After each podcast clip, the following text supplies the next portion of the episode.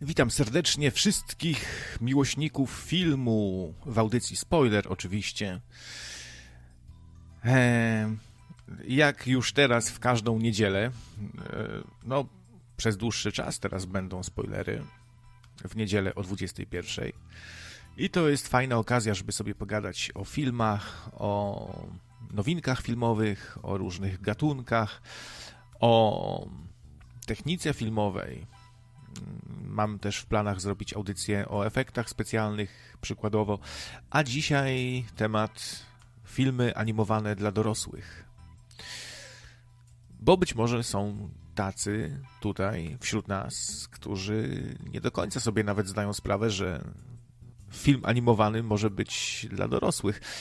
I bynajmniej nie chodzi tutaj o to, że cycki, że pupy, że sutki, że nóżki, że torsy i tak dalej. E, chociaż to czasami też się pojawia i o tym też wspomnę.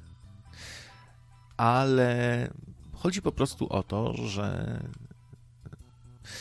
mówimy tutaj o dziełach filmowych przeznaczonych dla dojrzałego widza. Scenariusz, dialogi, bohaterowie. No, trochę tak jest, że te animacje dla dorosłego widza często zawierają przemoc, seks. E, ktoś tam wspomni o narkotykach, e, pojawią się tematy znane z wszelkich innych gatunków. No, czy w ogóle możemy tu mówić o gatunku? Film, film animowany to, to raczej medium, technika, styl tworzenia E, który pozwala mm, pokazać więcej właśnie na ekranie. I o tym dzisiaj chciałbym z Wami pogadać. Mam swoich oczywiście faworytów, całkiem sporo tytułów. Polecam też, aby audycję śledzić na YouTubie, na naszym kanale Nocne Radio, bo będzie trochę materiałów filmowych, fragmentów, e, trailerów, do produkcji, o których wspomnę.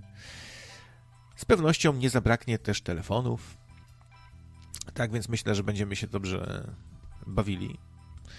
Nie sugerujcie, nie sugerujcie się do końca planszą, którą widzicie w tym momencie, bo no, zrobiłem taki kolaż, gdzie są dosyć znane produkcje. Właściwie większość z nich pewnie kojarzycie, może nawet wszystkie, a mam sporo tytułów, których tutaj nie ma i być może takich, o których w ogóle nie słyszeliście.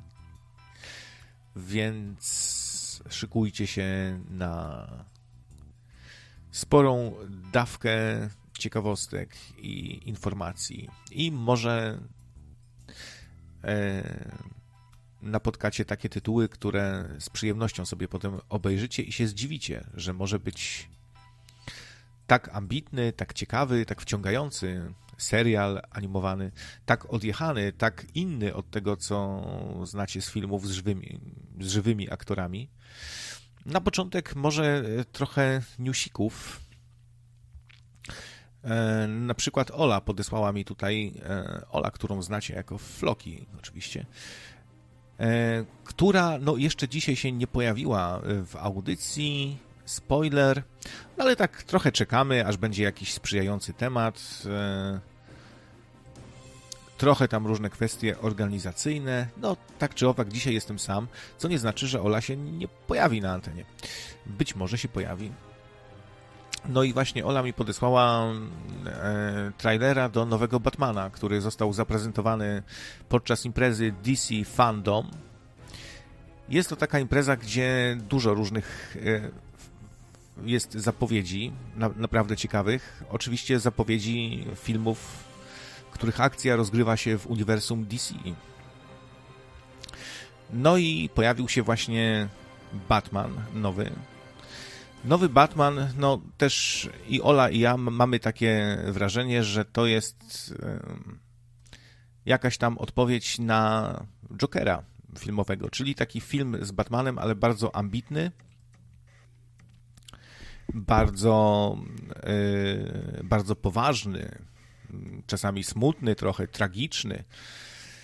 Yy, mi się nawet wydawało, że to jest kontynuacja Jokera, ponieważ mamy tam ludzi ucharakteryzowanych na Jokera. Pamiętamy, jak się zakończył ten film, że Joker jakby jako taki psychopata, który zastrzelił e, prowadzącego talk show, potem zwiał, zainspirował wielu ludzi do, do tego, żeby przeciwstawić się złym bogaczom, wstrętnym, co się nakradli i nas wykorzystują i trzeba z nimi coś zrobić. Może zobaczymy sobie tego trailera. Zgrałem go nawet i, i wam go odtworzę. Zobaczymy sobie. Świeża sprawa.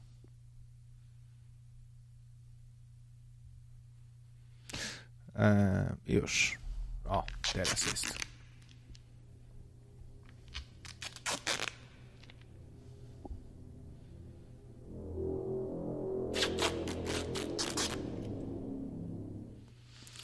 Możecie mi od razu dać znaka na czacie, czy działa przyciszanie, bo dawno nie odtwarzałem żadnych nagrań. Czy teraz jest ciszej i słychać mój głos dobrze? A teraz będzie głośniej?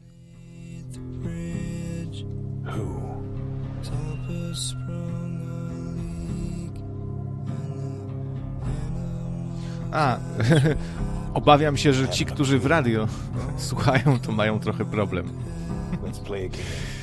E, niestety nie mogę tak zrobić, żeby w radio też było słychać.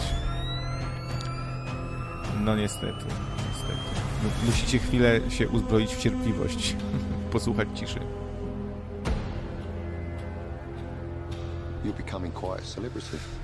Teraz powinienem, dzięki za info, teraz powinienem komentować, co się dzieje na ekranie dla radiowców naszych. Nuda, jakaś nuda. Mało walk. I mało efektów. No, tu mamy gang jokerowców. Przed chwilą był. Tutaj chyba przyszła Catwoman, włamywaczka. A Batman wygląda mi na takiego, który świeżo się stał mścicielem zamaskowanym. Jeszcze sobie nie radzi z agresją, chyba jest świeżo po śmierci rodziców. Batmobil, kolejna wersja odsłona.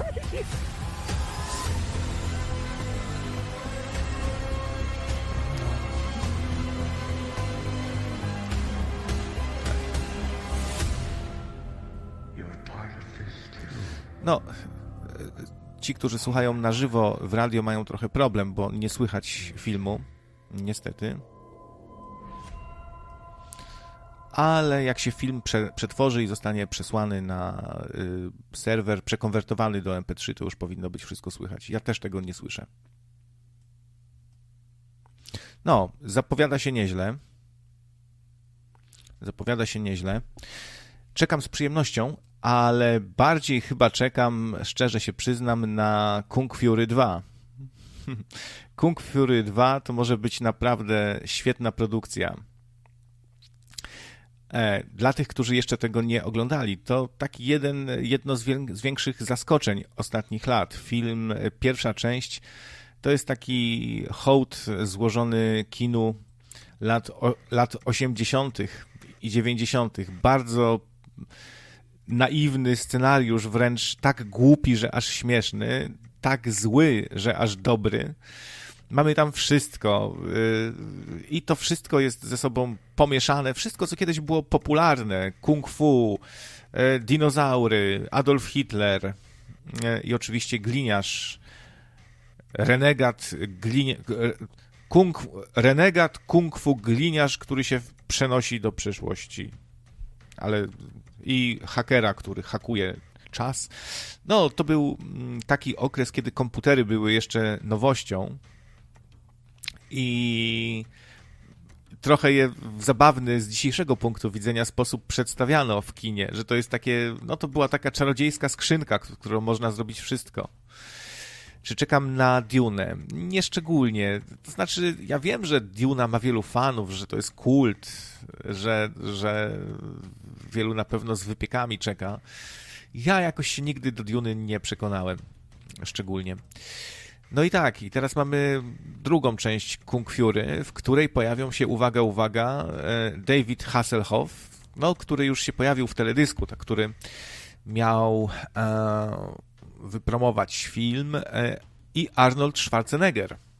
To chyba pierwszy taki przypadek, że w produkcji kickstarterowej jakby nie było, w produkcji e, w kinie ofowym, amatorskim, jak to się u nas w Polsce kiedyś mówiło, kino, kino amatorskie e, żeby tak podkreślić, że, że, że to nie jest prawdziwe kino, bo to nie jest e, zanusi, zanudzi, to nie jest bajda, to jest jakieś zabawy chłopców w krótkich spodenkach, prawda? No, kino amatorskie, I e, Michael e, Fassbender. Ja tego aktora za, za dobrze nie, tak nie kojarzę. E, Prometeusz, X-Men, no, to, to, już, to już kojarzę, dobra. To już, to już kojarzę. Magneto grał, dobra. No, ale no, sławy, sławy. Czekam na Kung Fury 2 The Movie, to piękny podtytuł, The, The Movie, czyli film. Kung Fury 2 film. The Movie. Tak się kiedyś to właśnie nazywało czasami śmiesznie filmy. A pierwsza część miała, miała podtytuł Kung Fury Pięści Czasu. Pięści Czasu. Tak więc no, na to zdecydowanie czekam. Czekam, y, co może was, może niektórych zaskoczy, na Shazama, na kontynuację Shazama. Shazam według mnie, mimo że to jest kino, na, na które możecie z dzieciakiem pójść, znaczy możecie na to do kina z dzieciakiem pójść, e, kino wręcz familijne, ale w najlepszym tego słowa znaczeniu, rzekłbym. Ponieważ no, wiele razy wybuchałem śmiechem, no już sama koncepcja takiego ko kolejnej wersji Supermana, który jest niesamowicie silny, yy, zręczny, szybki, no, bo dostał moce przypisane różnym bogom, tak jakby od czarodzieja Shazama. Wypowiada słowo Shazam i zamienia się w takiego umięśnionego kolesia, który lata, skacze, biega, walczy ze złem, ale zamienia się w, w tego superbohatera y, dzieciak.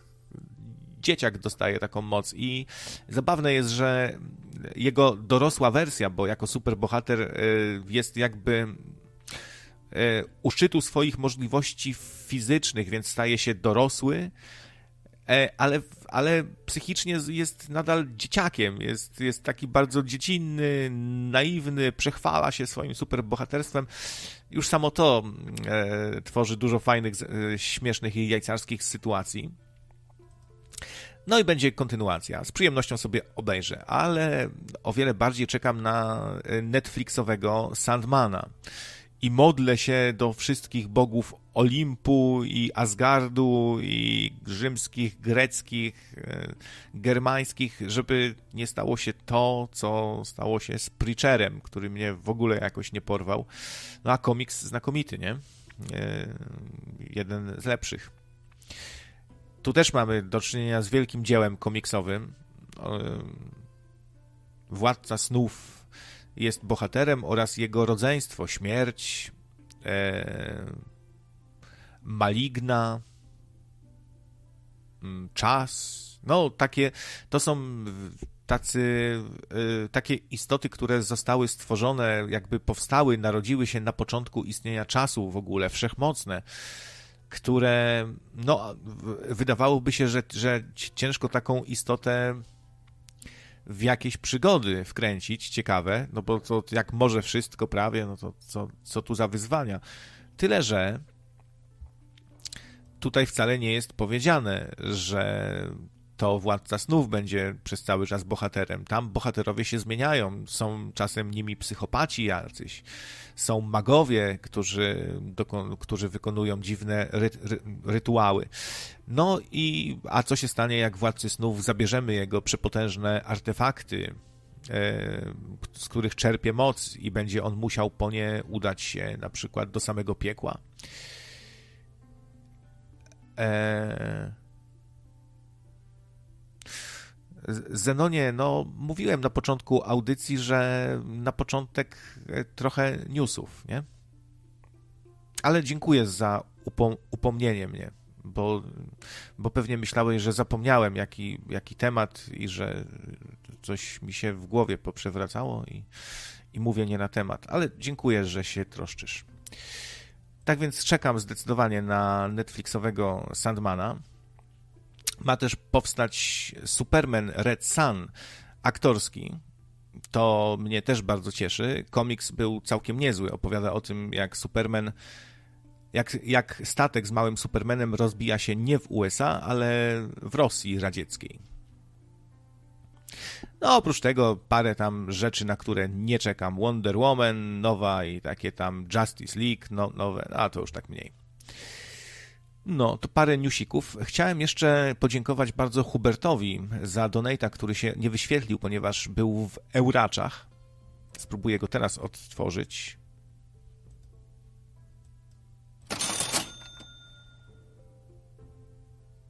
Hubert Malinowski, pozdrawiam 20 euro.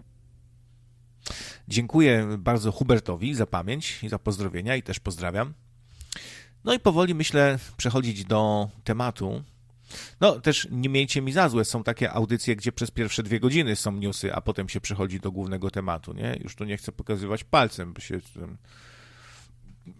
Nie będę już wyjaśniał rzeczy tu niewyjaśnionych do końca. Niech, niech, niech to zostaną rzeczy niewyjaśnione, o jaką audycję mi chodzi i możecie sobie na ten temat jakieś spiski układać, jak, jak chcecie. No. Także tutaj niecałe 20 minut, 17 minut na parę newsów, hmm, więc nie ma tragedii. No właśnie, a dzisiaj o filmach animowanych dla dorosłych. To jest w ogóle ciężki trochę temat od tej strony, że właściwie takie filmy mogą być bardzo, bardzo różne, dla, dla różnej grupy docelowej przeznaczone. Można je podzielić na różne kategorie, tak jakby.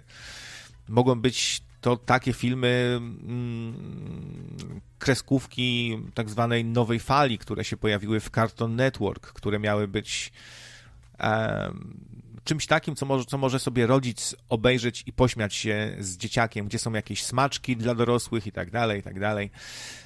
E, typu Johnny Bravo, Krowa i Kurczak, e, czy inne I Am Weasel, ale nie o tym e, dzisiaj, nie o takich dziełach. No, jakby sięgnąć jeszcze dalej, no to mamy tych Flintstonów, którzy byli taką mieszanką fam, familijnego, rodzinnego sitcomu z bajką dla dzieci. Też taki eksperyment. To wszystko mocno ewoluowało.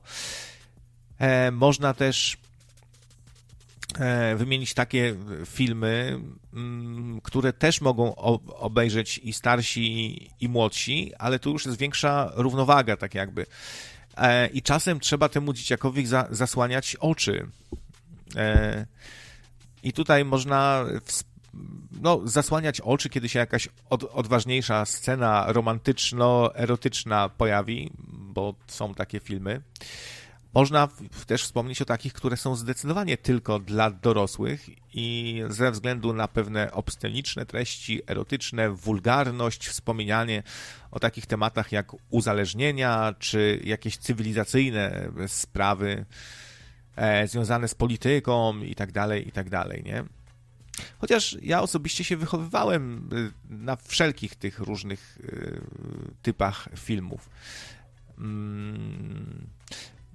Ciekawe, czy wszyscy kojarzą coś takiego jak rysunkowy Władca Pierścieni. Czy oglądaliście co, coś takiego? To jest produkcja z 89 roku. Bardzo dziwna, bardzo specyficzna. Wyświetlę sobie tutaj. To jest Władca Pierścieni, który właściwie jest w połowie rysunkowy, a w połowie tam są żywi aktorzy. Słyszałem takie plotki, że zwyczajnie nie, nie wystarczyło budżetu na, na obrysowanie wszystkiego, to się nazywa rotoscoping. Rysuje się na wcześniej narysowanym materiale filmowym, używając go jako takiego szablonu. I to jest ciekawie to wygląda. Puszczę wam może zwiastun filmowy. Zobaczmy tutaj nagrania. Władca Pierścieni, proszę bardzo. Widzimy ręcznie malowane tła. To też charakterystyczne dla tych starszych filmów animowanych. Znaczy, w, w ogóle można się zastanowić, czy Władca Pierścieni to jest dla dorosłych, czy dla dzieci, no bo niektórzy powiedzą, że takie fantazy to takie dla, dla dzieci, nie? I trochę racji w tym jest, no. Popatrzcie na te mordy, jak to, jak to śmiesznie narysowane było, nie? Mamy tutaj Gandalfa. Gandalf to bez względu na film, na technikę, zawsze tak samo wygląda, nie? Na ilustracjach też. Tutaj elf, elf Legoland i krasnolud Gili Gili.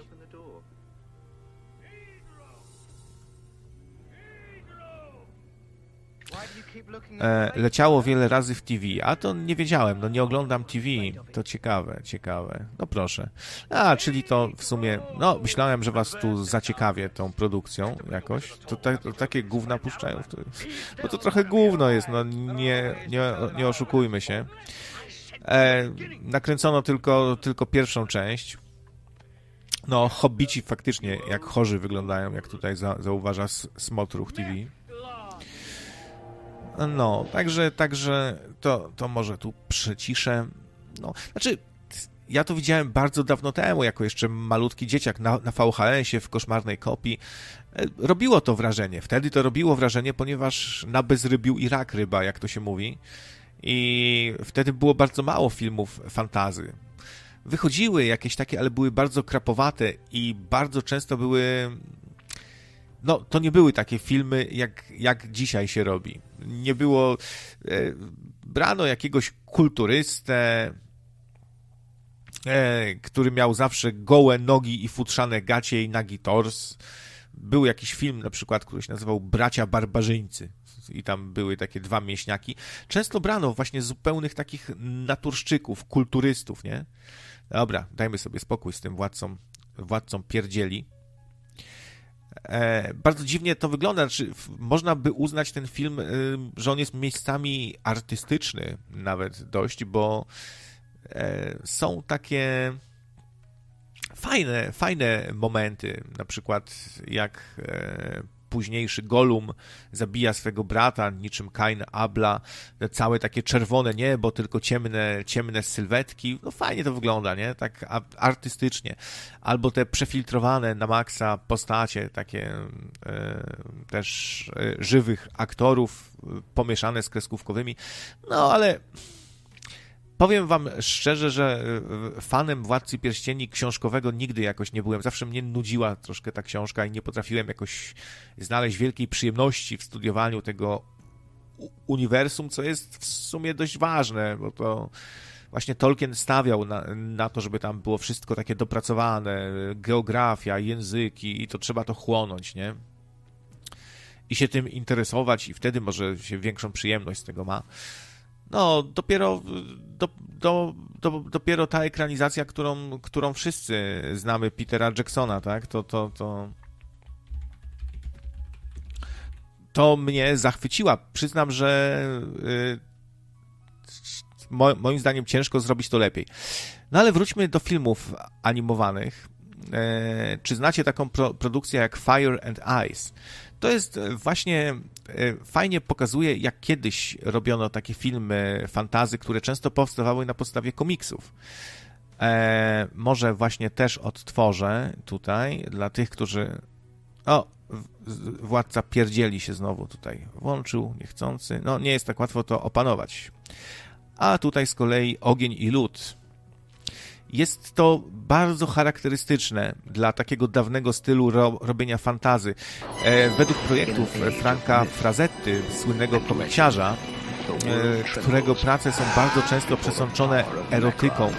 I kiedyś tak podchodzono do filmów animowanych dla dorosłych, że...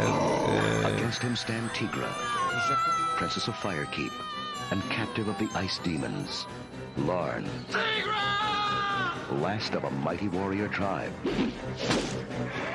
And her only hope of escape. And Dark Wolf, mysterious Avenger, and sworn enemy of the Ice Tyrant.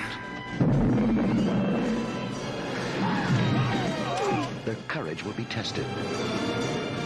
The challenge must be met. The final battle between the armies of the cold and the keepers of the flame is about to begin.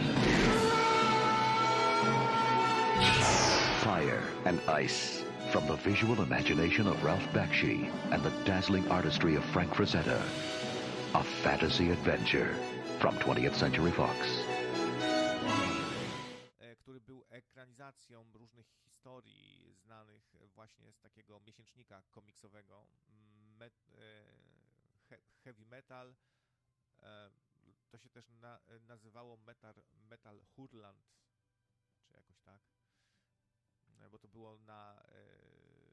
Była wersja amerykańska tego miesięcznika i wersja francuska, jakoś tak. Ale tu mogę się, mogę się mylić. W każdym razie też mamy piękne niewiasty, półnagie, bardzo dużo nagości. No i tak kiedyś podchodzono, że jak animacja dla dorosłych, to dużo nagości. Eee, o proszę. Raz, dwa, trzy. Teraz już powinno mnie być słychać. Czy teraz mnie słychać? Teraz pewnie słychać. Tak, tak, tak. Teraz już. y, nie wiem, czemu tak się przyciszyło. Dziwnie.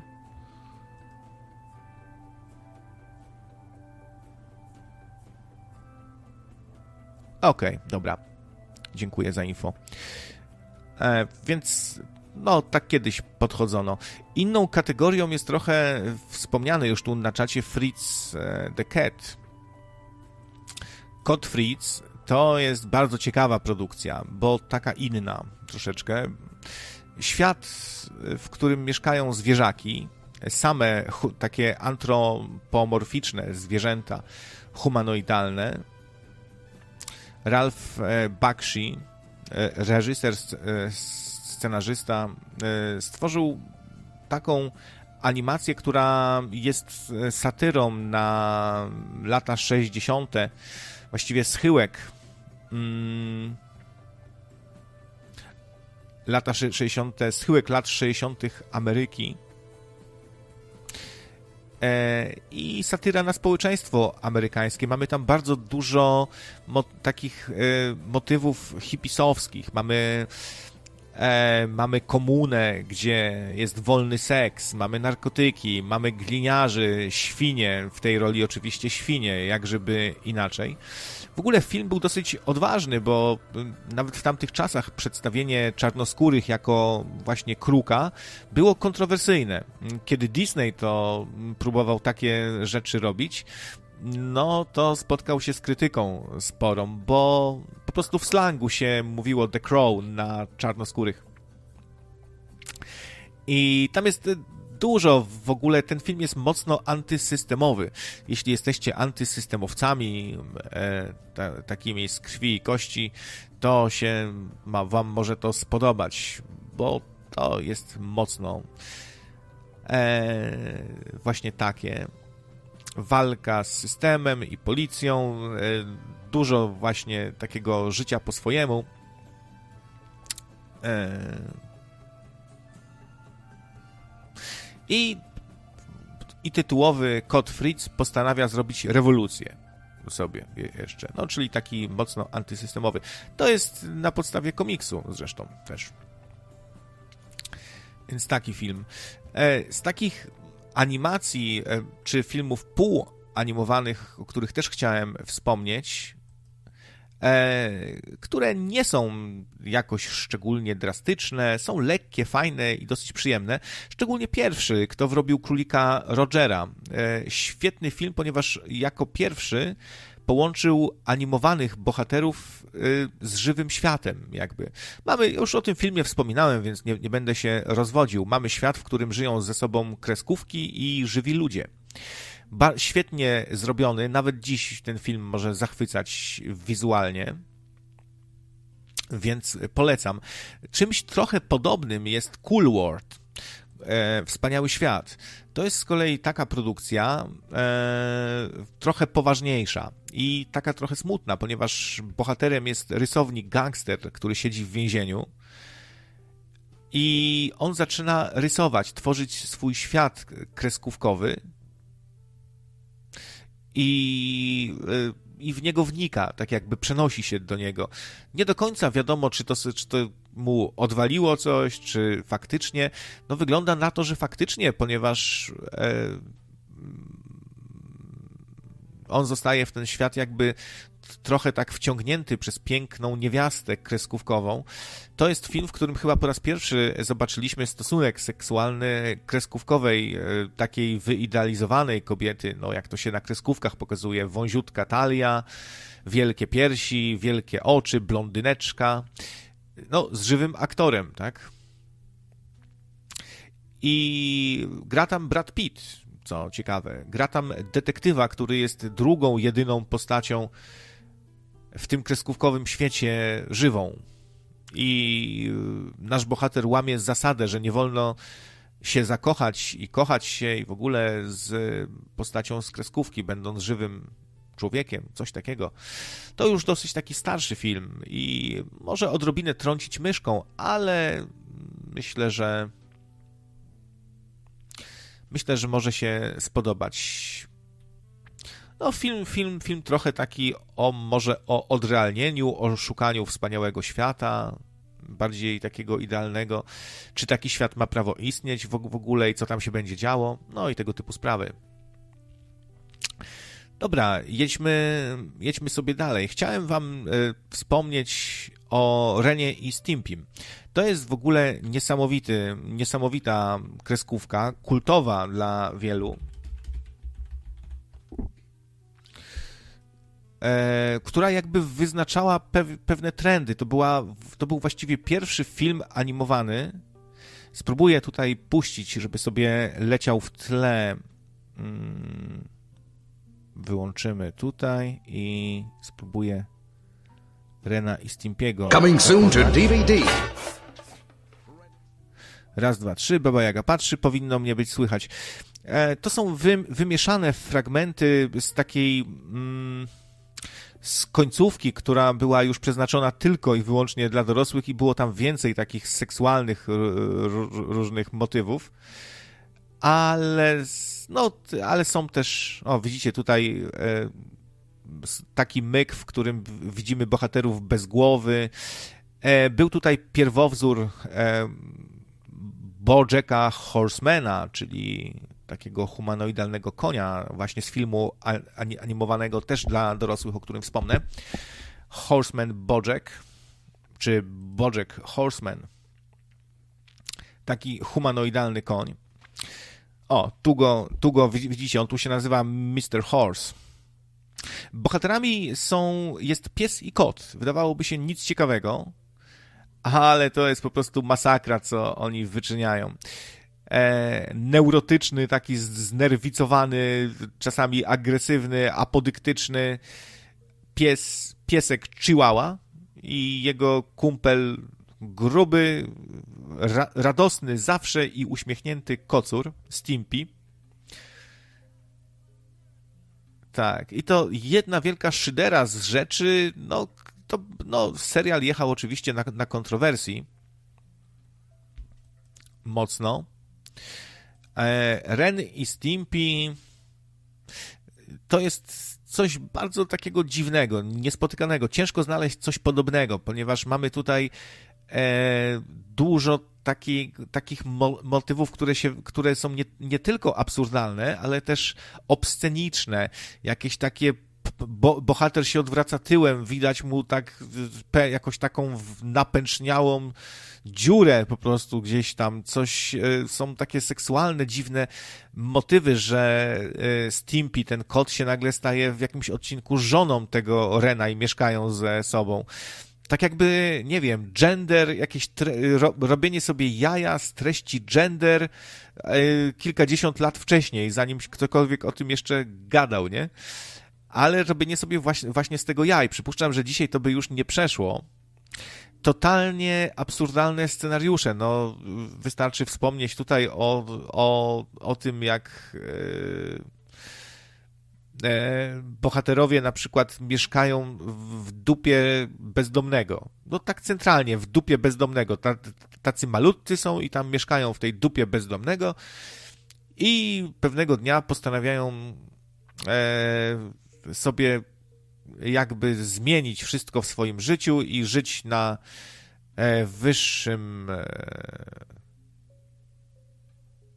poziomie i przenoszą się, przeprowadzają się do złotej spluwaczki. No, brzmi absurdalnie to wszystko, prawda? W ogóle serial był e, inspiracją dla dla różnych późniejszych rzeczy. Przykładowo, teraz widzicie na, ek na ekranie, po lewej widzicie senatora Armstronga, takiego napakowanego, napakowanego senatora amerykańskiego, który się bardzo dziwnie zachowuje. Po prawej e, widzicie senatora Armstronga, tylko, tylko że z gry Metal Gear Solid. E, myślę, że Horseman Bojack był też e,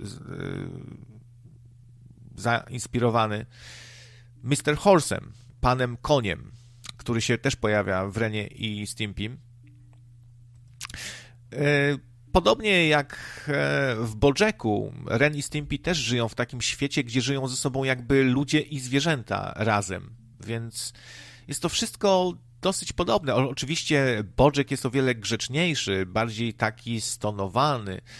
Jest, e, nie jest taki wariacki. Ren i Stimpy to jest jedno wielkie wariactwo. Tam jest bardziej absurdalny niż Monty Python. Bardziej e, pojechany być może nawet niż Rick i Morty, o którym też będę gadał. No po prostu totalna miejscami wręcz abstrakcja jakaś. E, bohaterowie często zmieniają rolę. Raz są e, załogantami jakiegoś statku kosmicznego, raz są e, rodziną, która sobie żyje z, po prostu ży, życiem takim, jak to sobie żyje zwykła, przeciętna rodzina.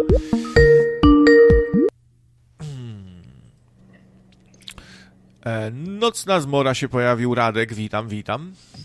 E, witam wszystkim, hej, hej, wariaty. Hej, wariacie. E, czekaj, niech mi się Jackowski e, włączy. Widzę, widzę konia, widzę, widzę konia, o którym chcesz, o koniu jakimś chcesz ze mną pogadać. Nie wiem, o jakiego konia chodzi, ja pierdolę, ale jakimś koniu chcesz ze mną pogadać. Zgadłem? E, nie wiem, nie wiem, kto ci doniósł o tym, ale masz rację. E, nie mam. Chciałem o Bojacku trochę wspomnieć. Ha, nikt mi nie doniósł, jestem jasnowidzem. O kurwa. No. Nie mam porównania do tego pierwszego bohatera. Mówię, że jest strasznie zwariowanym typkiem. W sumie Bojack może jest trochę zwariowanym, jest raczej bardziej toksycznym i jakoś tak trochę mało o nim powiedzieli, bo jest chyba dosyć ciekawą postacią. Nie no, bo jeszcze w ogóle nie przeszedłem do Bojacka, bo na razie byłem A już na... odniosłem wrażenie, że kończysz temat tego porównania i będziesz leciał dalej. To nie, nie, broń, broń Boże o, o Bojacku tu mam, wiesz, dużo do powiedzenia i chętnie razem z tobą ten serial omówię. To takie, mm, on stosunkowo młody jest, nie? To jakoś, nie wiem, dwa... E, Niedawno się skończył. W tym roku był ostatni e, sezon wyemitowany. Aha, Bojacka aha. No tak mm, kilka Wydaje lat mi się, temu, że jeden chyba z najlepszych. E, to była kreskówka, która miała do siebie to, że z każdym kolejnym sezonem tak jakby... Um, wspinała się na kolejny poziom y, i była coraz lepsza. Tak, wiele osób to podkreśla, że to jest e, serial, któremu trzeba dać szansę, tak jakby, że on na początku nie ma na pewno tego efektu wow, takiego jak niektóre seriale mają, no nie wiem, właśnie wspomniany Rick i Morty, że wow, co za odjechana, fajna rzecz. Tylko trzeba... Właśnie to... nie zgodzę się, bo Rick i Morty odbiłem się od niego potwornie. Podejrzewam, że popełniłem błąd, ale to samo miałem z Bojackiem. Kiedyś spróbowałem obejrzeć pierwszy sezon. Nie dość, że to było paskudnie narysowane, to jakoś mnie to kurwa odbiło. Odbiło od siebie zobaczyłem konia, który sobie pije whisky w barze i mówię, kurwa, co to jest? Jak to można oglądać, nie?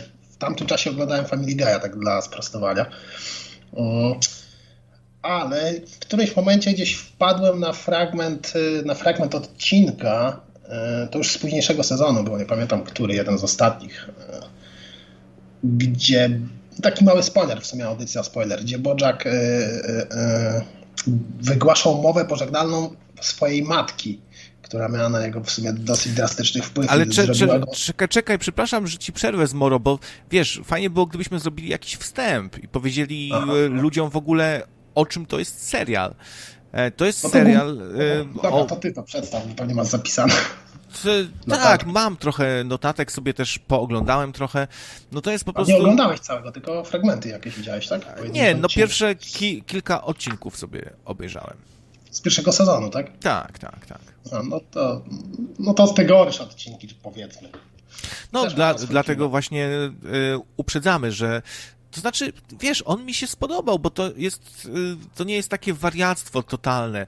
To jest, jak dla mnie to jest mieszanka y, właśnie Californication trochę, e, z tymi właśnie filmami animowanymi, e, współ, współczesnymi, gdzie jest dużo wariactwa, gdzie trochę więcej można pokazać, dlatego że to jest film animowany i e, trochę wszystko szybciej. Myślę, że Cho chociaż on... dużo więcej niż Californication, a ten motyw ze zwierzętami, które żyją w świecie z ludźmi, to jest tylko po to, aby um, zmiękczyć ich odbiór, żeby człowiek, bo może nie dotrzeć do człowieka, że człowiek może być takim skurwysynem, jak jest Bożak, takim toksycznym kimś, tak?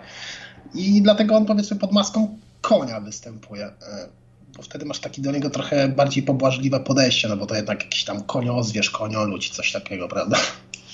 No, znaczy to wszystkie filmy animowane i, i komiksy bazują na przerysowaniu, czyli na przejaskrawieniu zupełnym różnych cech, zachowań i, i to jest to narzędzie, które bardzo sprzyja.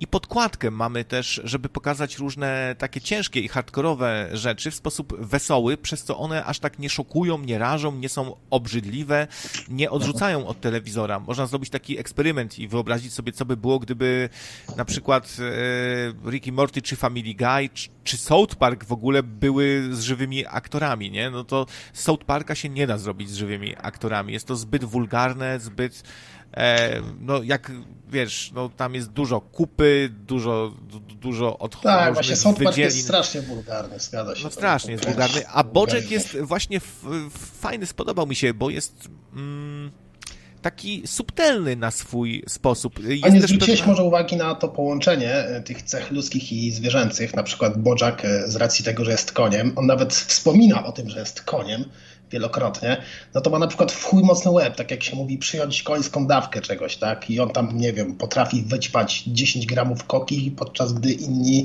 przewalają się po jednym strzale, nie wiem, wypija cysternę whisky i na drugi dzień nie ma kaca i tak dalej. No, te cechy są połączone, tak jakby ludzkie ze zwierzęcymi. Mm, jego, jego y, promotorka, ta y, Miss Ka Caroline, już nie pamiętam, dawno oglądałem. Caroline, tak? E, Lady Caroline, Princess Caroline, z kolei jest kotem, prawda? No i też łączy w sobie te ludzkie i kocie cechy, to znaczy na przykład jest przebiegła, sprytna, jest taką jakby drapieżnikiem e, swojego tego półświadka, promotorów, tych menadżerów filmowych i tak dalej. I wszystkie inne postacie też łączą w sobie te cechy. Peanut Butter na przykład. Jakiś tam showman, gwiazdor, lubi się bawić E, ale jest też takim naiwnym, fraj, naiwnym frajerkiem, takim, który we wszystko wierzy, jest taki łatwowierny, merda ogonkiem, tak jak pies. No, on akurat jest przedstawiony pod postacią psa. Tak, tak. To jest bardzo charakterystyczne i bardzo fajny motyw, że wszystkie, wszyscy ci zwierzę ludzie, którzy żyją sobie wspólnie ze zwykłymi ludźmi, mają te zwierzęce cechy po części. To, to, to super, bo to daje dużo e, okazji do śmiesznych scen. Bohater jest byłą gwiazdą sitcomu e, Rozbrykani, tak się to nazywało. O, coś tam jedzie, jedzie jakiś pociąg. E, zaczekajmy aż przejedzie. Dobra, przyjechał. E... To pana K. E, pan K pisze, że konie są utożsamiany z depresją. Tak, ale to akurat jest cecha psychiczna. W sumie mi się cięż, mi się do końca koń nie kojarzy z psychiką. Tu bardziej miałem na myśli cechy fizyczne e, tym połączeniu Bojacka występujące. No tak, on mówi w pewnym momencie, jestem koniem, ważę około pół tony, nie wystarczy mi jedno piwko. Tak. E, bohater ma, no, zmaga się z, z, z, uzależnieniami, z depresją, jest byłą gwiazdą z sitcomu, która żyje trochę przeszłością i nie za bardzo może swoje życie ogarnąć. I to, co wyróżnia ten serial, to myślę to, że on ma taką e, cechę, jak mają seriale z żywymi aktorami, że tam się jest opowiedziana jakaś dłuższa historia trochę i ona się ciągnie, ona, ma, ona jest ko kontynuowana. To, to, to nie jest zbiór gagów, nie? E, tylko... Takim zbiorem gagów to jest właśnie chyba South Park, chociaż nie jestem do końca pewny, bo nie oglądałem. Też nie do końca. Czy chociażby Family Guy, no Family Guy to już taki zbiór gagów. Fa Family Guy bardziej, tak. Fa Family Guy zdecydowanie bardziej. The Simpsons czy South Park trochę mniej, bo tam jest na jeden odcinek jakaś dłuższa historia, która jest też często ok okazją właśnie do gagów też. Tak, ale chodziło mi o to, że w perspektywie na przykład sezonu pierwszy odcinek y, nijak się nie klei z ostatnim odcinkiem, a w Bojacku z kolei to jest jedna spójna historia kontynuowana no, w kolejnych sezonach. W niektórych powroty do jakiejś jego przeszłości, w kolejnych odcinkach e, jakieś wyimaginowane bardziej e, e, sytuacje, których, nie wiem, wyobraża sobie, jest naćpany na jakiejś fazie, w jakimś tripie narkotykowym. Wyobrażają mu się miejsca, które w ogóle, sytuacje, które w ogóle nie miały miejsca i tak dalej. W dubbingu wzięli udział, wzię, wzięły udział takie znakomitości jak na przykład Aaron Paul, którego znacie z roli Jesse'ego Pinkmana z Breaking Bad. A mówisz o angielskim dubbingu. Tak, tak, tak. Ja niestety oglądałem po polsku, ale powiem Ci, że z ciekawości włączyłem sobie dubbing angielski i o ile o ile tam powiedzmy te drugoplanowe postacie y, w dubbingu angielskim nie przeszkadzały mi, o tyle y, te pierwszoplanowe, tak jak Todd czy Bojack, to w polskim dubbingu są genialne. W ogóle polski dubbing niszczy angielski, przynajmniej według mnie. Bojack ma dużo bardziej taki depresyjny, głęboki, przytłumiony głos takiego zniszczonego życiem człowieka. Nie pamiętam, kto go nagrywał, a Tot ma z kolei taki głos takiego głupeczka takiego, idealnie do niego pasujący. Według mnie dużo lepiej niż w angielskim dubbingu. Ja w ogóle chyba jestem fanem e, dubbingu polskiego. Podoba mi się. Wiele produkcji e, z tym polskim dubbingiem oglądam z wielką przyjemnością i jestem e, zachwycony jakością. I często właśnie stwierdzam, że jest nawet lepiej niż w oryginale. Może powróciliśmy do starych, dobrych czasów, gdzie polski dubbing był naprawdę bardzo ceniony, był na wysokim poziomie, bo brało się e, doświadczonych aktorów po prostu do tego. E, w Stanach się chyba pozmieniało, bo kiedyś brano właśnie jakichś tam celebrytów, naturszczyków, różnych śmieszków, e, ludzi z kabaretów, ale dzisiaj to też się jakby y, trochę zmieniło i, wie, i, więcej znanych osobistości ze świata y, filmu się pojawia, nie? W dubbingu. No ale polski dubbing myślę, że już dawno wrócił do formy, bo był taki czas, że nie zachwycał, że, że chciano chyba znowu skopiować Zachód, ale ten Zachód właśnie wcześniej, kiedy, kiedy brano tam po prostu ludzi znanych nie? do tego, żeby te głosy... Mm, no to tutaj się zgodzę z tobą, zwłaszcza za czasów tych filmów typu Epoka Lodowcowa czy tak dalej. Ten dubbing to odrażał mnie. W każdym, odcinku, w każdym filmie z tamtych czasów to musiał wystąpić jakiś pazura, jakiś szyc. To były głosy już tak oklepane. Fakt, że to są gwiazdy jakiegoś tam formatu ale to są głosy tak oklepane, że, że, że, już zbyt bardzo człowiek ma zbudowane wyobrażenie na temat tego głosu i widzi tego pazurę, który stoi na scenie i nawija te swoje stand-upy i podkłada głos pod jakąś, pod jaszczurkę, pod królika, pod słonia czy pod kogoś tam i to w ogóle się nie klei, to, to, to nie wchodzi. Tak, jak porównywałem nie sobie... No. Nie wchodziło, bo to się zmieniło w tym czasie. No, Teraz. no.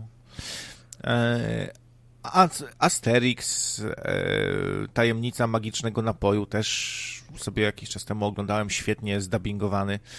Ale pamiętam na przykład, jak, jakim, jakim, jak, jakim krapem był polski dubbing do South Parka.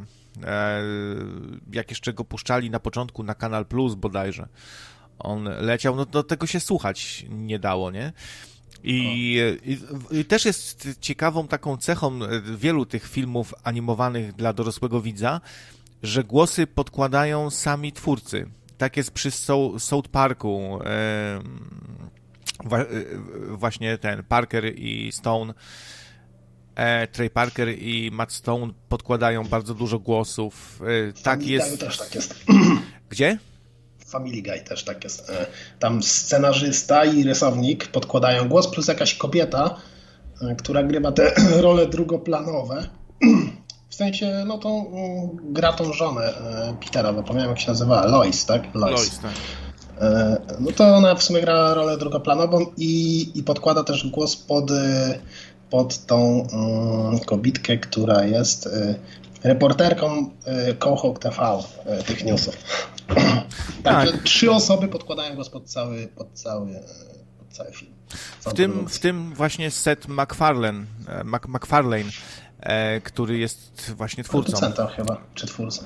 Twórcą, no czy producent, czy twórca, to tak się ro, rozmywa trochę. Myślę, że często ci, których bierzemy za twórców, to oni tam, no zdobywają ten hajs od, kogoś, być może, no muszą mieć jakichś tam inwestorów, ale też nie zawsze. W tych filmach jest świetne to, że można ich wyprodukować dużo za nie, nie są takie bardzo drogie.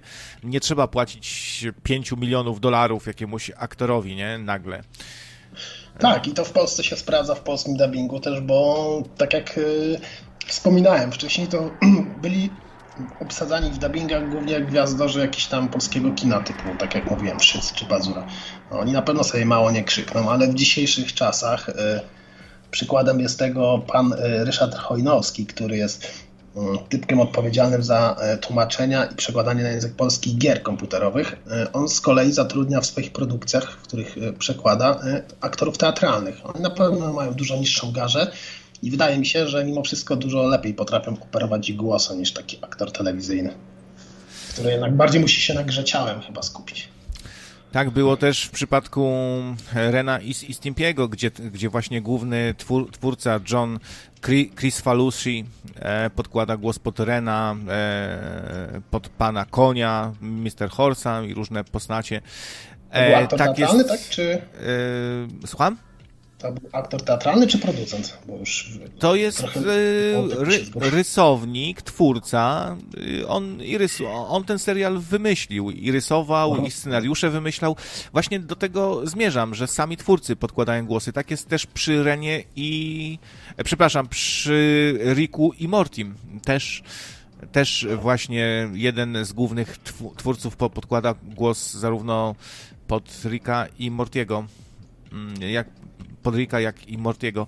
No to jest bardzo częste. To nie wiem, z czego to wynika. Może po prostu z tego, że to są produkcje często, przy których się trochę tak... Yy po pierwsze, ci twórcy się zżywają z tym, co tworzą bardzo do tego stopnia, że nie wiem, że sami chcą być tymi głównymi bohaterami.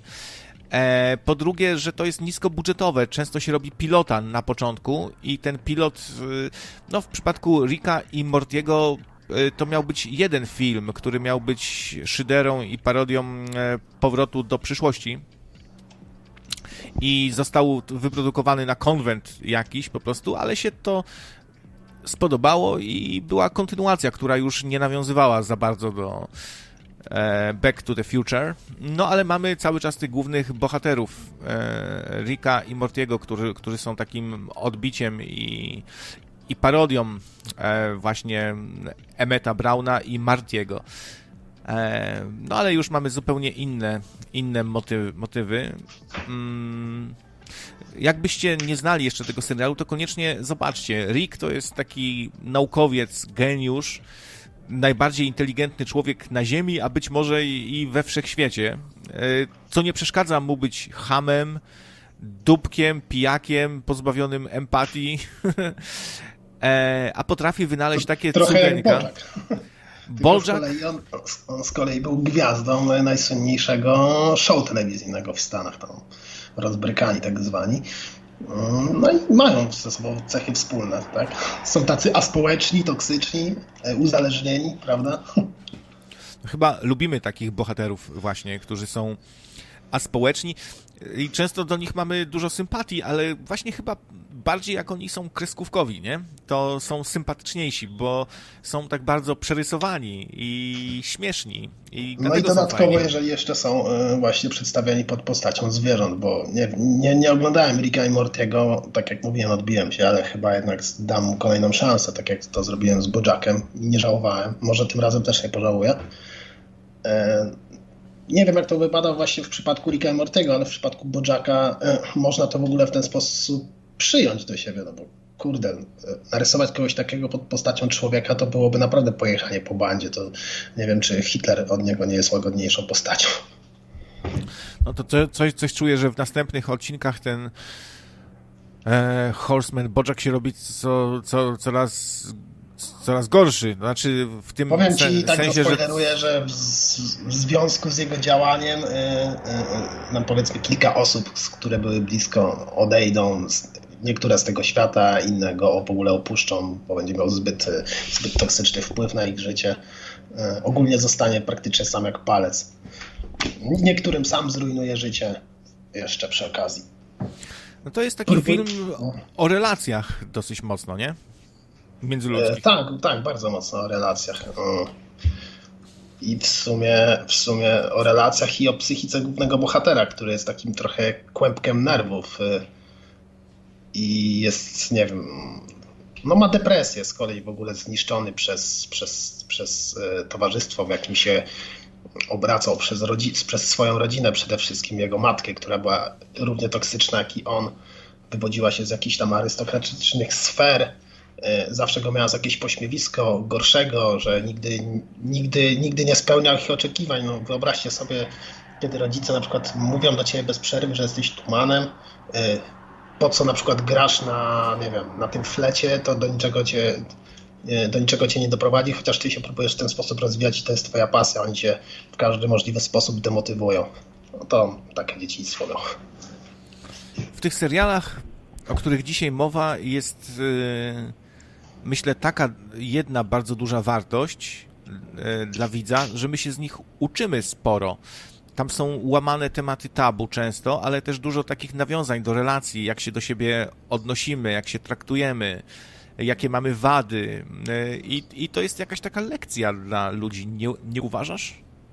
Uważam. Oprócz tego poruszałem też wiele innych e, tematów społecznych, teologi teologicznych, ideologicznych jakieś tam na przykład, nie wiem, e, e, homoseksualne tematy, polityczne jakieś tematy, awantury polityczne i inne tego typu kryzysy. Do wszystkiego się w jakimś stopniu odnoszą. Czasami trochę satyrycznie, czasami bardziej na poważnie, ale można, można na przykład da się odczuć przesłanie, jakie z tego wypływa, jaki twórcy tych serialów w jaki sposób widzą świat i jak jakie mają zdanie na temat aktualnych e, wydarzeń. No, jakieś tam sympatie często mają i polityczne, i w jakimś tam serialu do mniejszości się trochę uśmiechają seksualnych, jak w Blickerberry mam, mam wrażenie, ale to, to do Brickleberry potem może przejdę.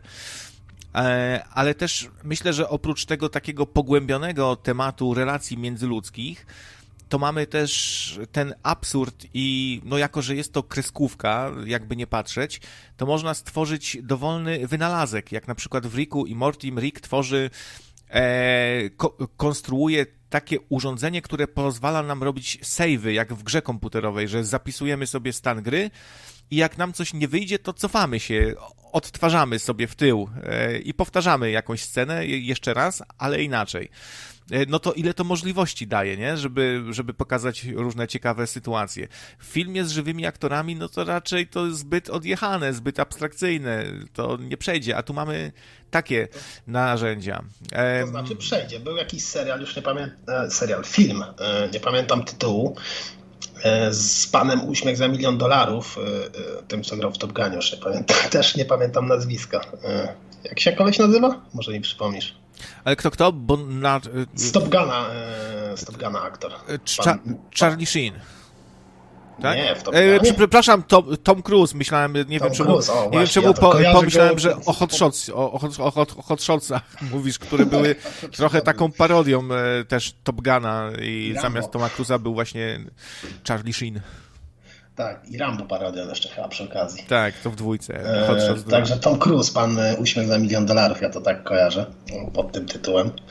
Mm, nie pamiętam już właśnie tytułu tego filmu, w którym grał, ale e, miał zdolność, po kontakcie z obcymi, miał jakąś zdolność, że pod, w momencie, kiedy zginął, to cofał się w czasie i tak jakby tych prób miał nieograniczoną ilość do pewnego momentu, aż doszedł do, do punktu jakby kontrolnego, w którym spotkał się z tym samym obcym, który mu tą moc nadał w pierwszej chwili i, i wtedy stracił te swoje zdolności do cofania się w czasie. On po drodze popełniał mnóstwo błędów, kilkukrotnie, nie wiem, ginął na tej samej minie, po czym odradzał się, nauczył się, że w tym miejscu jest ta mina, omijał ją, leci, biegł gdzieś dalej, z kolei tam zabijał go jakiś snajper.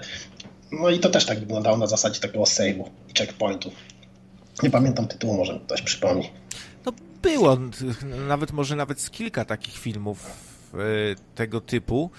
Ale, ale, ale to się no, zupełnie nie umywa do takiego Rika i Mortiego, w którym mamy to, to podniesione do kwadratu po, i pokazane bardzo szybko, lekko i, i dużo więcej, więcej, więcej. E, bo no, to, to, to okazuje się, że kreskówka jest fantastycznym narzędziem, bo spotykamy na przykład w Riku i Mortim w pewnym momencie alternatywnych Rików i Mortich, którzy po, po prostu są z, z, rzeczywistości alternatywnych. I oni są trochę inni, e, bo, bo inaczej się w, trochę potoczyło wszystko wybrali inaczej i to też takie ciekawe eksperymenty i możemy się wtedy zastanowić, jak, jacy my byśmy byli, gdybyśmy żyli w trochę, w trochę innym świecie, gdzie historia się potoczyła nieco inaczej, prawda? Więc takie mamy motywy. A to tam bardziej jest taki e, motyw teleportacji w czasie, tak? Że cofają się w czasie, zmieniają coś i, i, i to wpływa na przyszłość, tak? do której potem wędrują. Podróży w czasie za bardzo nie ma. Sam Rick e, e wspomina o tym, że gardzi podróżami w czasie, że to jest dla lamusów i że e, tam mamy bardziej alternatywne światy, właśnie i podróże po galaktyce, po, po wszechświecie całym, gdzie spotykamy zupełnie absurdalnych obcych, którzy mają inne, inne cywilizacje, które e, rządzą się innymi od naszych prawami. E, kosmici też odwiedzają czasem naszą Ziemię. Pojawia się w pewnym momencie rasa, która chce przejąć władzę nad Ziemią za pomocą aplikacji na smartfony, które wszyscy ściągają i, i głupiają od e, tego i zajmują się randkami e, wszyscy nagle i się tacy głupkowaci robią mamy, nie wiem, mamy e, wycieczkę na planetę Gaję, która okazuje się, że to jest żywa planeta Gaja i że właśnie rodzi, a ojcem jest Rick. I, e, i, i powstają tam takie dziwne istoty, no i, i, nasi bohaterowie, ta rodzinka cała, no bo tam mamy Summer, Beth, e, czyli tam sio, siostrę Mortiego, taką typową nastolatkę, Beth, czyli taką typową dosyć mamę i Jerego, takiego żenującego ojca, jak żywcem wyjętego z jakiegoś sitcomu familijnego z dawnych lat, który jest taki poprawny i taki równiacha chce być i w ogóle, tylko że jest strasznym nieudacznikiem przy okazji. No i oni w pewnym momencie wszyscy się przemieszczają w ogóle w czasie i przestrzeni i po alternatywnych rzeczywistościach. Są przeróżne światy. Niektóre światy są bardziej na modłę fantazy, jak i tam niektóre są, e, jest, jest pokazana cywilizacja węży, która jest taka bardzo nazistowska i, i, i hajlują sobie tam i, i no takie jakby jedne wielkie Niemcy, te węże. No. No jest wszystko Ale to jest cały czas mówisz o Ricku i Mortim, tak? tak przed tak, chwilą tak. powiedziałeś, że e, Rick, tak? Że Rick gardzi podróżami w czasie i już tak. się obawiałem, że tego motywu w tej kreskówce zabraknie. No, Też się pojawia. Więc nie wiem. Też A byłoby bardzo szkoda, bo to jest świetny motyw i pełno go jest na przykład, znaczy pełno. Dosyć często występuje w Family Guy'u, a co ciekawe, yy, osoba, która jest za to odpowiedzialna, to jest yy, kilkumiesięczny, może tam półtora roczny brzdąc, e, który jak się okazuje jest genialnym dzieckiem, do tego stopnia sfiksowanym na swojej genialności, że e, była ta, było w którymś odcinku przedstawione, że tak jak e, dochodzi do zapłodnienia i ta sperma wlatuje w pochwę kobiety, to on był tym plemikiem, który był tak tak zaawansowany technicznie, że już wtedy wyniszczył wszystkich swoich wrogów, wszystkie inne plemiki e, i jako jedyny dotarł do tej komórki jajowej, po czym, po czym gdy już się urodził e, pałą, pałą rządzą zabicia swojej matki. I to dla mnie to był najlepszy motyw, który przejawiał, który przez kilka pierwszych sezonów się powtarzał, znaczy powtarzał, występował w różnych w różnych sytuacjach, także nie wiem, próbują zabić, kiedy go karmi piersią, próbuje ją zabić, kiedy przebiera go i tak dalej. On występował tylko przez pierwszych kilka sezonów, po czym, po czym został zapomniany. No i od tamtego czasu muszę powiedzieć, że Family Guy stracił w moich oczach i jest w sumie coraz, coraz to gorszy, coraz bardziej ułożony politycznie, a oglądam go chyba tylko wyłącznie z przyzwyczajenia. Tymczasem na ekranie puściłem wam pierwszy odcinek The Simpsons, bardzo stary. Tak to kiedyś wyglądało na początku. Na początku The Simpsons było takim dodatkiem do jakiegoś show, dwuminutowe, krótkie odcinki, które były takie bardzo proste, no i takie trochę jakby to zrobiono w Polsce, nie? Że jakaś, no ro, jakaś tam rodzinka i, i tata głupkowaty, tam gada Oprócz głupoty. obrzydliwie narysowane. Obrzydliwie, tak, strasznie to tak, wygląda. Boczek też bardzo słabo wyglądał w pierwszym sezonie, chociaż nie aż tak źle. No i tu widać różnicę. I to coś się dziwnego z tym serialem, można powiedzieć, stało, bo to był, to był na początku, no taka, jakby dzisiaj właśnie zrobić Janusz i Grażyna, nie? Trochę. I, i, i dzieci mają i wesoła historyjka, że, że, że dzieciak urwis i, i, i, tam coś z procy okno tego i no, takie bardzo proste to było w porównaniu do tego, co później zrobiono, bo dzisiaj Simpsonowie no to zdaniem niektórych to kreskówka Illuminati wręcz, ponieważ tam e, niby zostało dużo przepowiedziane, chociaż część tego wiem, się okazuje, Myślisz, że to fake newsy są. Przynajmniej po części. Po prostu e, część jest e, tych informacji fabrykowana, robią różne przeróbki. No przykładowo, we, wezmą ci, e, no teraz o, oczywiście padły takie oskarżenia, że przewidzieli koronawirusa, tak? No jak zbadałem sprawę, to się okazało, że nie do końca, ponieważ to była jakaś kocia pandemia i, i to było w, w, w, innym odcinku, w innym z kolei było na, nawiązanie do Azjatów, którzy wysyłali jakieś zielone chmurki e, w świat i pakowali to i wysyłali, że niby jakiś wirus. I ktoś, kto e, a nie, nikt tam nie nazwał tego, że korona, że coś, E, tylko tak ktoś wziął, pozlepiał te, te, różne takie motywy, gdzie pojawia się wirus, gdzie pojawia się jakaś choroba, pandemia.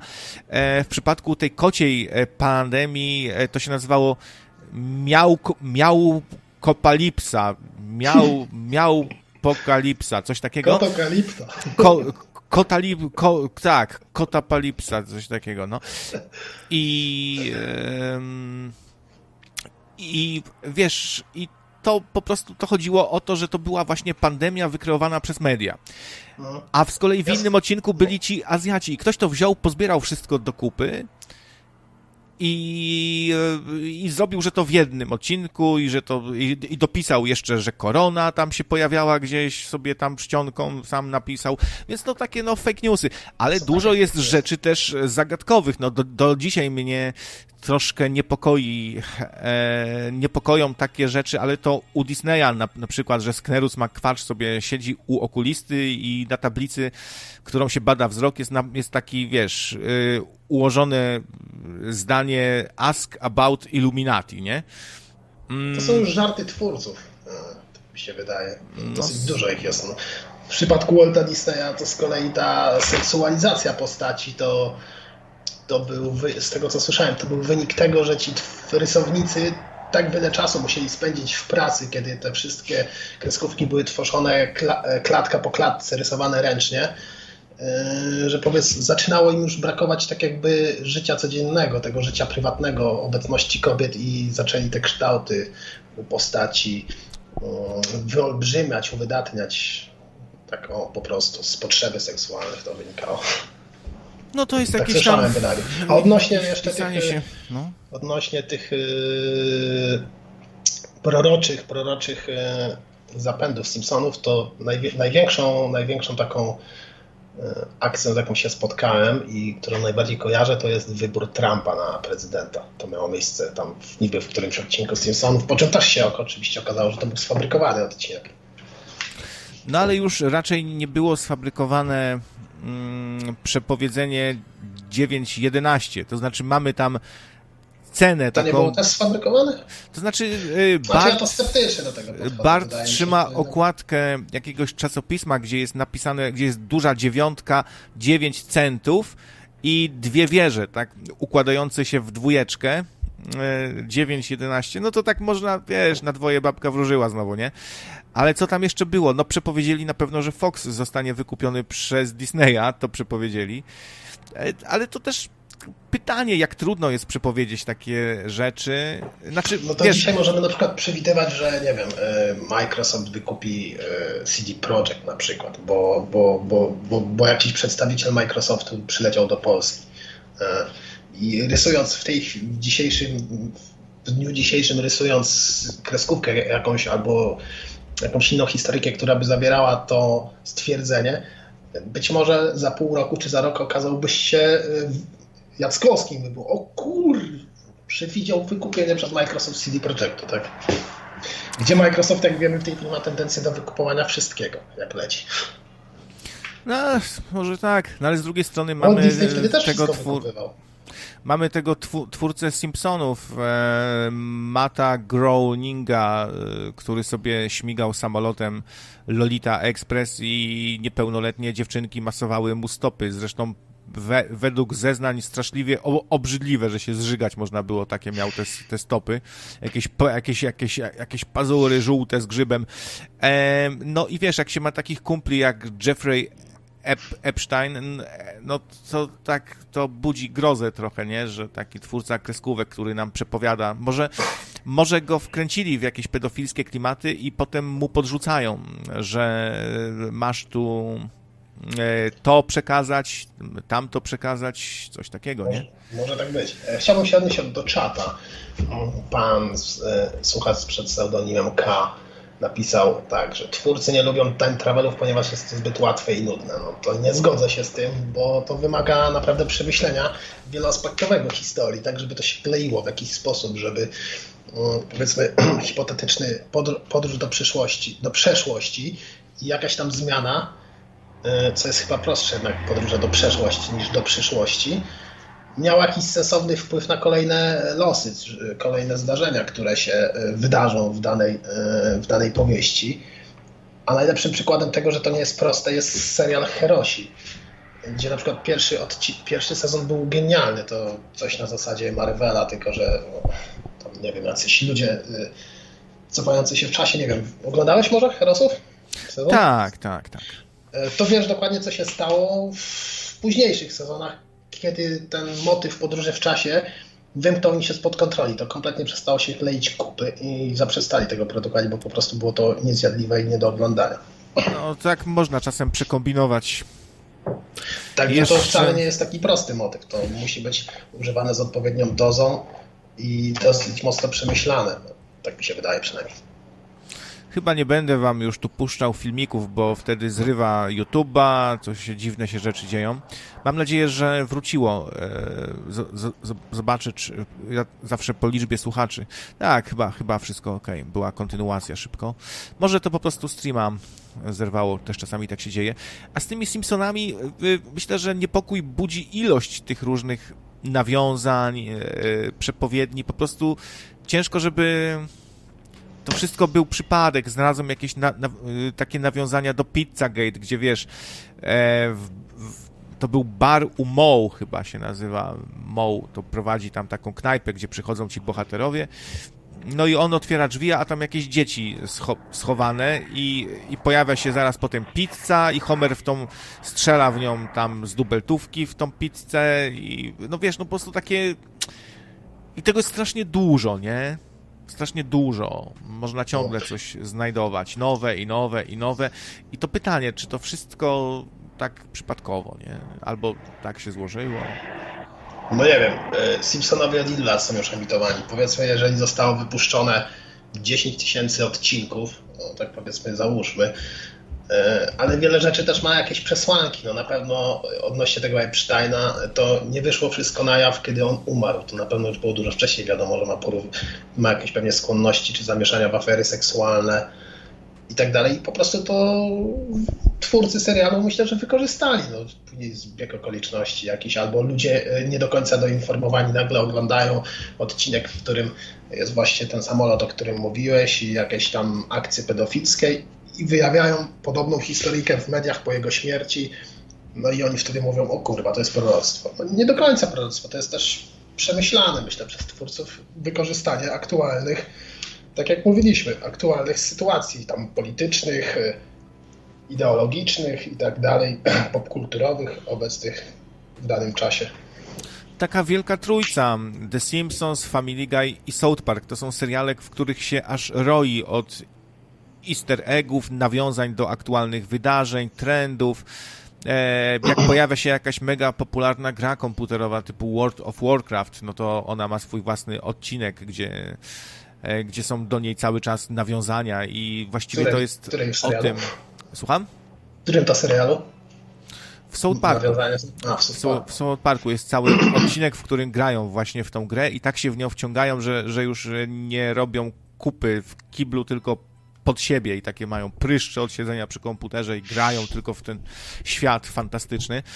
E, Simpsonowie byli pierwsi, wydaje mi się, i to też było coś nowego, że tyle nawiązań do polityki, do społeczeństwa, do różnych mód, trendów, e, problemów, z którymi boryka się amerykańskie społeczeństwo. Szkoda, że, że w Polsce się nie doczekaliśmy nigdy takiego serialu, który by omawiał e, rzeczy i szydził sobie ze wszystkiego, mm, no, ze wszystkiego porówno. Blok Ekipa trochę tak, trochę tak, ale to jest cały czas taki humor dresiarski, że, że takie śmianie się z, z tego tak, dresiarza. bardzo wąski temat, y, bardzo wąskie grono tematów jest poruszane w Blok Ekipie. I zastanawiam się w, w ogóle, jak to jest możliwe, że w takim South Parku y, tak bardzo się śmieją z e, myszki Miki, Disneya całego, że pojawiają się różne marki typu konsola, taka, owaka, aktorzy typu Mel Gibson, który jest przedstawiony w ogóle jako wariat i tak dalej, i tak dalej. I w ciekawe... Family Guy podobnie. Słucham? W Family Guy jest bardzo podobnie. W ogóle Family Guy i Simpsonowie mają ze sobą dużo wspólnego. Ale chciałem, a... chciałem, chciałem dokończyć i proszę, się proszę. zastanawiam, jak to jest, że tych ci twórcy nie płacą jakichś milionowych odszkodowań. Czy w Stanach jest po prostu inne prawo, takie, które bardziej jest liberalne, znaczy, no, można sobie po prostu można sobie zaszaleć i śmiać się ze wszystkiego i ze wszystkich i, i, i, niespecjalnie ci ktoś e, za to wytoczy proces, bo w Polsce to, no wyobraź sobie, że przedstawiasz jakiegoś Rydzyka i Kaczyńskiego jako takiego, na przykład przedstawiasz Kaczyńskiego, że tam rucha kota, E, że taki w ogóle nieudacznik, w życiu mu nic nie wyszło, nic nie potrafi, nie wie po ile bułki w sklepie są, no to politykiem został. Albo Rydzyk, tak wiesz, który jakiegoś tam takiego y, cybermochera robi i, i podłącza go i tam mu wszystkie numery naszego dziennika do głowy zapodaje i tworzy jakiegoś takiego fanatycznego y, słuchacza y, o, ostateczny słuchacz i go tam wysyła gdzieś. No przecież zaraz by proces był i milionowe odszkodowania. Czy w Polsce, w Polsce się nie da, wydaje mi się po prostu. E, może, może jeżeli byś e, stworzył, stworzył dzieło, w którym Kaczyński ruchałby tego kota, tak jak powiedziałeś, to odwiedziłby ci jakiś seryjny samobójca, ale przecież też mieliśmy e, produkcje, które wyśmiewały chociażby naszego pana Kaczyńskiego. To się chyba nazywało Oko prezesa? Czy jak to tam się nazywa? Ucho, ucho. Pamiętam. Ucho prezesa. Oko, ucho, nieważne. W uchu prezesa, to, to przecież to ewidentna była e, szydera z naszego rządu, tak? I tam e, przecież pan, nasz prezydent obecny, e, to tam musiał sobie poczekać na korytarzu i był opierdalany przez jakąś tam sekretarkę, która go nie wpuszczała, bo nie wiem, pan Kaczyński musiał skończyć karpić kota, czy coś takiego. No to też było takie upadlanie ich troszeczkę. I chyba nic im się nie stało, żyją chyba do dzisiaj ci ludzie. A odnośnie tych Stanów Zjednoczonych i występo, występowania takich postaci jak jakieś Mel Gibsony i inni w tych kreskówkach sitcomowych, to może nie jest to w całych Stanach. Każdy stan podejrzewam ma jakieś inne prawo, bardziej mniej liberalne i być może wśród tych 50 ileś tam stanów jest taki, który pozwala na coś takiego i twórcy zwyczajnie tworzą w tym stanie i są bezkarni, tak? Może. Może... Yy mają dobrych prawników, stać ich na lepszych prawników niż nas by było tutaj stać, jakbyśmy powiedzmy sami chcieli taką kreskówkę zrobić. Może mm, ci prawnicy na przykład podpowiadają, jak tu zmienić, jak tu troszkę to przedstawić tak, żeby nie można się było przyczepić. E, no bo tam na przykład w South Parku do tej myszki Miki, który, do tego mysza, który jest taki okropny i kopie po jajach tych braci tam, tych takich z tego boys bandu i się na nich tam wydziera, masakruje ich i taki jest w ogóle parszywy i zachłanny na kasę i w ogóle i rządzi tą korporacją Disneya, no to oni do niego mówią Mr. Mouse, nie? A nie Mr. Mickey Mouse. E, no i to, no to, to mogą być takie detale, które sprawiają, że nie można pozwać, nie? Możliwe. E, w Family Guy'u na przykład występował Steven Senegal. E, I zachowywał się dokładnie tak jak Steven, jak Seagal ze swoich filmów, gdzie tam wpadał taki w tym swoim kimonie z kamienną twarzą, w okularach i łamał wszystkim łokcie, nogi, ręce, kolana. No, czyli trzeba Być trochę pozmieniać. Prawa autorskie. No, trzeba po prostu być ostrożnym i, i nie, nie przeginać i nastawić się po prostu, że pewne straty będą. No, taki serial musi trochę też zarobić.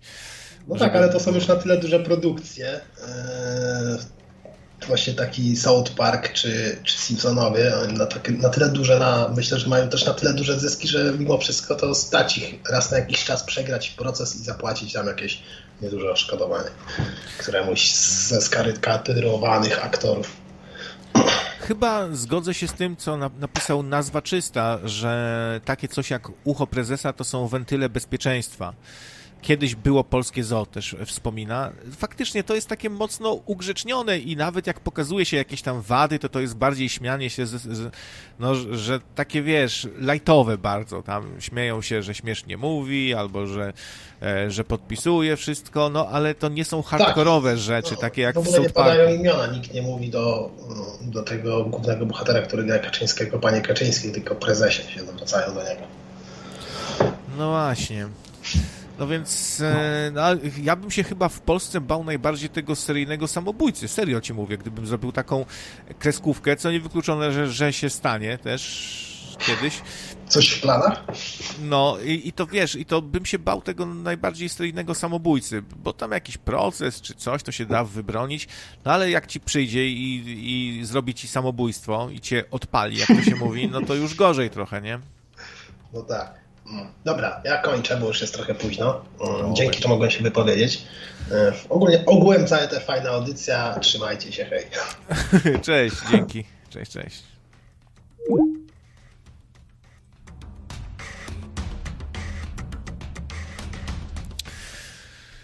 No, ale i w Family Guy'u, i w South Parku padały często nazwiska. No, Robin Williams przecież się pojawiał. Yy i krótko po tym, jak został tam pokazany, popełnił samobójstwo.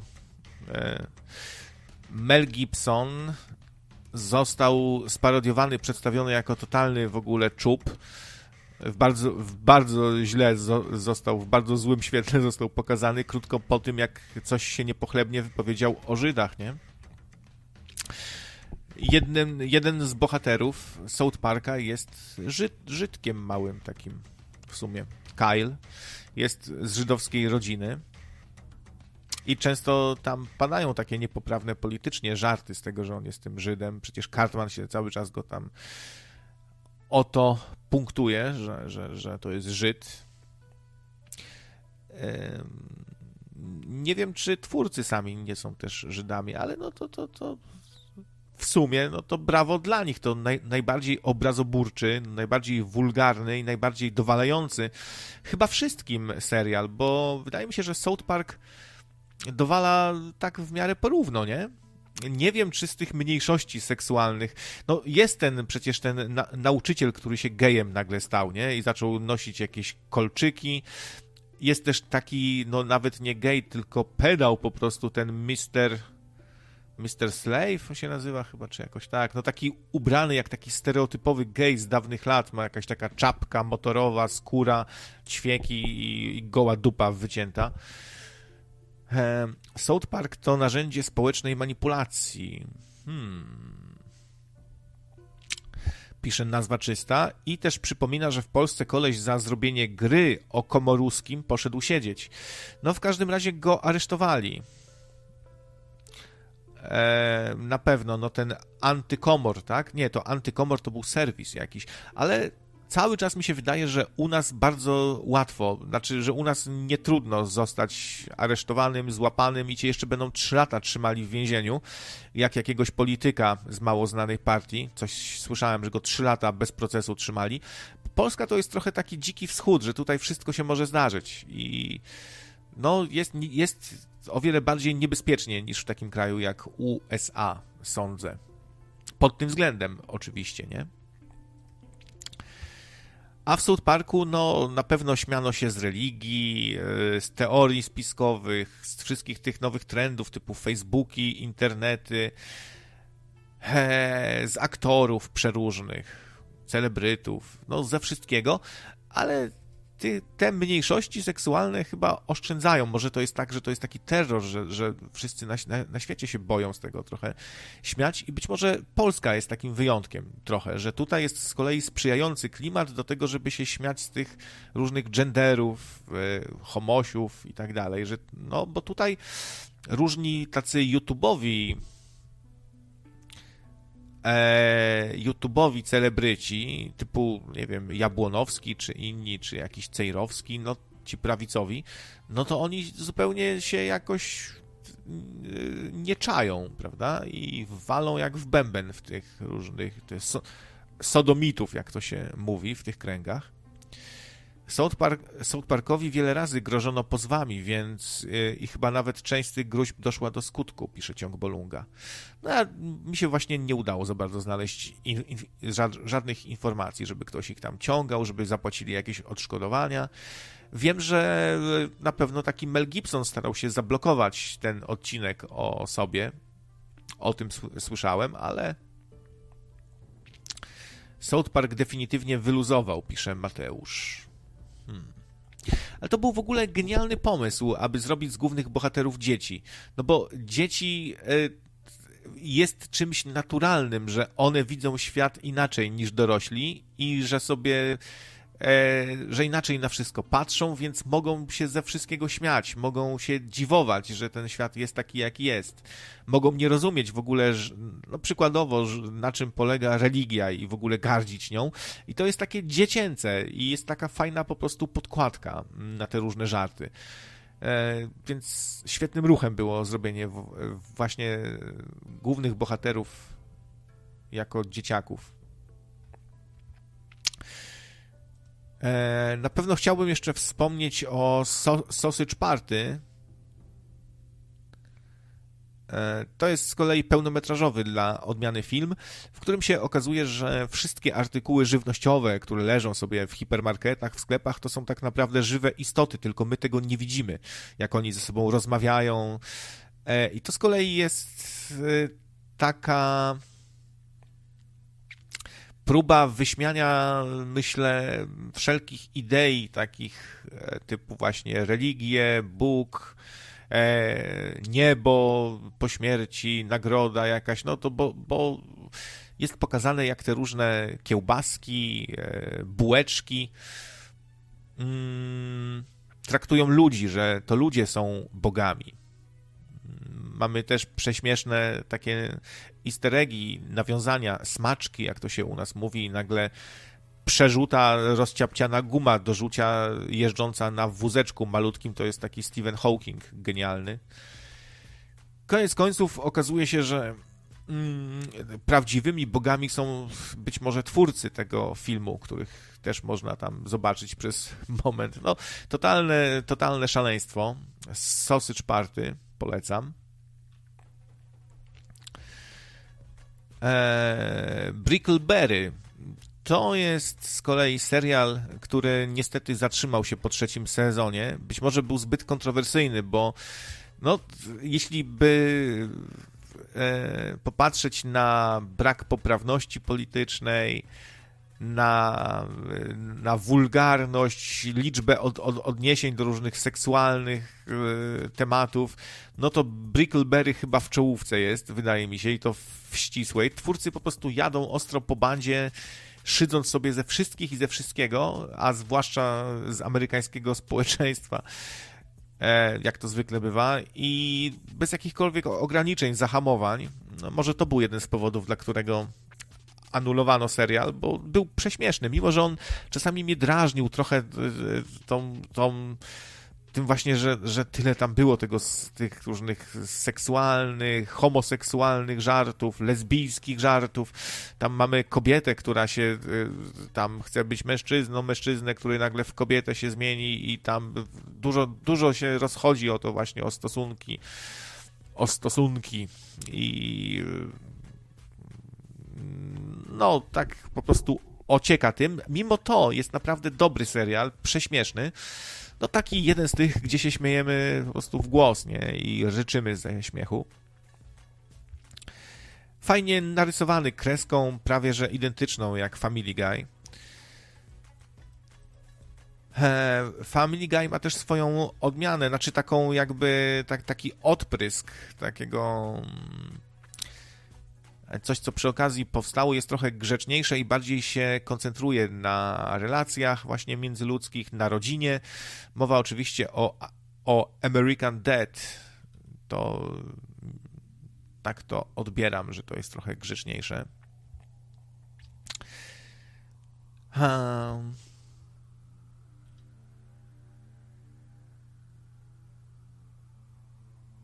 No i tak to jest, widzicie. No, także możecie, możecie też spróbować przypuszczam, że będziecie życzeli na głos, a nie bąkali sobie po, pod nosem hmm, całkiem zabawne. Tylko będzie dużo śmiechu. Robot Chicken to jest z kolei mm, bardzo zna, znana też seria, tworzona za pomocą laleczek różnych lalek, figurek, lalek Barbie przerobionych, jakichś z plasteliny postaci, w której mamy jedno, jedną wielką parodię różnych znanych pop popkulturowych motywów. Od Gwiezdnych Wojen po Mario, Flintstonów, nie wiem, e, nawet Scooby-Doo, wszelkie możliwe bajki, filmy, znani aktorzy, wszystko tam jest sparodiowane, ale przedstawione właśnie jako takie laleczki i filmowane poklatkowo. Bardzo dobra seria, seria kultowa, bym rzekł, rzekłbym. E, Smotruch twierdzi, że e, Brickleberry lepsze od Family Guy'a, rozumiem, tak? No, też mi się spodobało. Całkiem dobre, całkiem dobre naprawdę mocno odjechane, mocno hardkorowe i fajny klimat, bo y, y, bohaterowie to są tacy jacyś leśnicy, którzy w parku narodowym sobie przebywają i opiekują się tym parkiem. E, no i mamy tam i rasistowskie żarty, i, i z mniejszości, z seksu, i z polityki, ze wszystkiego. Ze wszystkiego to, o czym rozmawiają sobie dorośli ludzie, nie?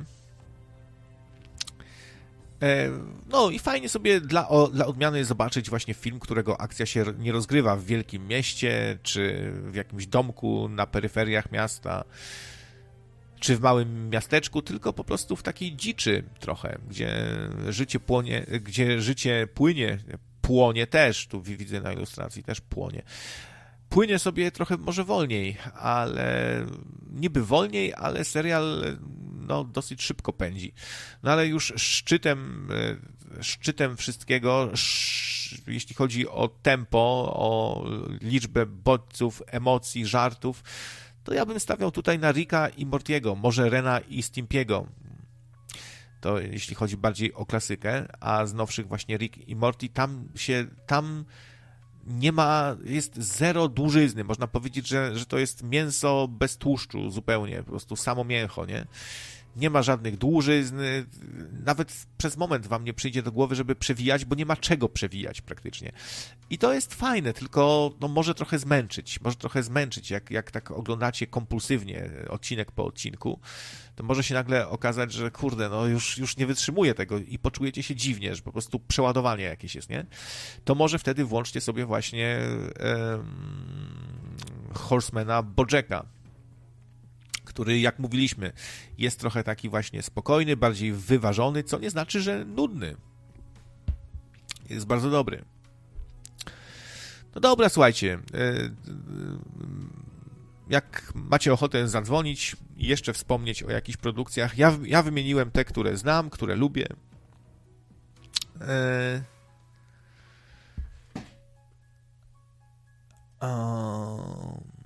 myślę, że możemy sobie oszczędzić anime, bo, bo to jest oddzielny temat zawsze. Anime to w ogóle jest, czyli japońska animacja, często na podstawie mangi, czyli na podstawie japońskich komiksów, no to jest coś, co bardzo często jest dla dojrzałego widza, dla dorosłego. Tam są poważne tematy, znaczy są bardzo różne te kategorie wiekowe, no ale to, to zupełnie inna bajka trochę. E, ciąg Bolunga za chwilę jeszcze pisze, że dryndnie, no to szybciutko, szybciutko, nie będę tu długo czekał. E, jak tam musisz coś jeszcze zjeść, czy prysznic wziąć, to, to, to, to, to nie. Ale powoli będę już kończył i przejdziemy na luźne gadki. A tymczasem jeszcze Kurt się połączył. E, Cześć, wieczór. Cześć, przepraszam, jeszcze tutaj Viking e, próbował się dodzwonić. E, to dobra, to ustawiam w kolejce, a, a na razie Kurt. E, no, cześć, cześć. Cześć. Um, słuchaj, nie wiem, czy chyba nie wspomniałeś o takim filmie, który mi się kojarzy z, właśnie z takim typowym filmem. Jeżeli, jeżeli ktoś mówi film animowany dla dorosłych, to mamy właśnie ten film na myśli. Nie wiem, czy słyszałeś o takiej produkcji z lat 80., która nazywała się Heavy Metal. Tak, e, wspomniałem nawet o niej, nie wdawałem się za bardzo e, w szczegóły, przyrównałem ją do Fire and Ice, bo to mi się skojarzyło, że podobny trochę styl rysunkowy. E, czyli wiesz, dużo nagich torsów, dużo dużych cycków i takie fantazy w starym stylu, nie? Z barbarzyńcami i lafiryndami, księżniczkami do uratowania. No to, to trochę, trochę, trochę to podobny klimat, tylko heavy metal trochę taki, no więcej rob robotów czasami się pojawia i więcej kosmosu trochę, nie? Ja to nazywam, że to jest fantazy exploitation. Takie, takie techno-fantazy, można powiedzieć też, nie? Ale nie, że tam jest właśnie taki nacisk położony, że tak jak mówi właśnie te nagie torsy, że jakieś e, seks, erotyka, e, przemoc. Tego typu. No, no i, i pytanie, czy to jest dla, dla dzisiejszego widza jeszcze strawne, nie? Że, no bo czy film dla dorosłych to jest taki, gdzie jest przemoc i, i seks i dziecko tego nie może oglądać, więc jest, jest dla dorosłych, to się trochę zdewaluowało, nie? Dzisiaj już raczej dorośli nie będą chcieli takich rzeczy oglądać, tylko chcą takich rzeczy bardziej jak, nie wiem, Ricky Morty, The Simpsons, Family Guy, nie? No właśnie, mi się wydaje, że to też ten film, on po prostu miał za zadanie tak szokować, że zachęcić ludzi do pójścia do, do kina, że bo hej, bo są animowane cyski, jest animowana przemoc. E, I to był chyba taki film, który trochę był robiony pod, nie wiem, pod wpływem jakiegoś kwasu, no bo to właściwie to są, to jest jakiś zbitek kilkunastu historyjek, do których są nagrane jakby piosenki. Tam nie wiem, powiedzmy, bohater biegnie i tam bije innych i w tle leci jakaś piosenka, tak? Albo nie wiem, dwóch bohaterów się kocha i w tle leci jakaś in, jakiś inny utwór. No to to jest takie chyba, żeby sobie coś, nie wiem, zażyć, jakiegoś grzyba i, i to oglądać raz pod wpływem. No jest trochę psychodeliczne, to, to prawda. Mm, jest też takie e, trochę na jedno kopyto. Zawsze ta, ta pięk, piękna ślicznotka i ten barbarzyńca, albo jak wojowniczka piękna, to ją musi tam dręczyć i męczyć jakiś zły mag, który też będzie wyglądał bardzo stereotypowo, bo będzie się śmiał, wiesz, będzie miał jakąś tam będzie taki sin niebieski na przykład, cały jeszcze do, do, do, dodatkowo i będzie tam kopał tą, tą biedną wojowniczkę, ale na pomoc przybędzie muskularny, taki dzielny, młody wojownik i ją uratuje. No to strasznie to takie wiesz, przewidywalne. Y, fa fabuła praktycznie zerowa, no bo co to za fabuła jest, że zły mag Nekros porwał księżniczkę króla, żeby go zmusić do zawarcia, do spełnienia jego oczekiwań, ale młody, dziki wo wojownik jakiś tam, wiesz, nie wiem, Taruk, Turak, gdzieś tam się to przyuważył i wyrusza, żeby ją uratować i ratuje ją i koniec. I, no, i, i, ścigają ich te takie, takie dzik, dzikusy, takie wiesz, takie e, zielone dzikusy ścigają. I, ale też wychwyciłem tam oprócz w tej erotyce też takie homoseksualne różne dziwne akcenty, tak jakby to trochę geje robili. No bo wiesz, już, już sam, sam idzie. No bo nie wiem, to raczej nie jest dla kobiet. Kobiety, dziewczyny raczej nie będą takiego czegoś oglądały, a tu wszędzie te nagie męskie torsy i tam jeden mężczyzna drugiego chwyta za dupę i takie wiesz, takie rzeczy, nie? No to tak można by powiedzieć, że nie wiem, że, Conan, że Conan Barbarzyńca z, to też było tworzone przez homoseksualistów, no bo Arni cały czas biegał mięśniony z nogą klatą i futrzanych gaciach. No to, no, A słyszałem, no, się... takie, słyszałem takie teorie. Ja słyszałem właśnie takie teorie, że zarówno Conan, jak i Komando, ta, e, ta ekipa tych aktorów, e, którzy pojawiają się w Komando, e, w Konanie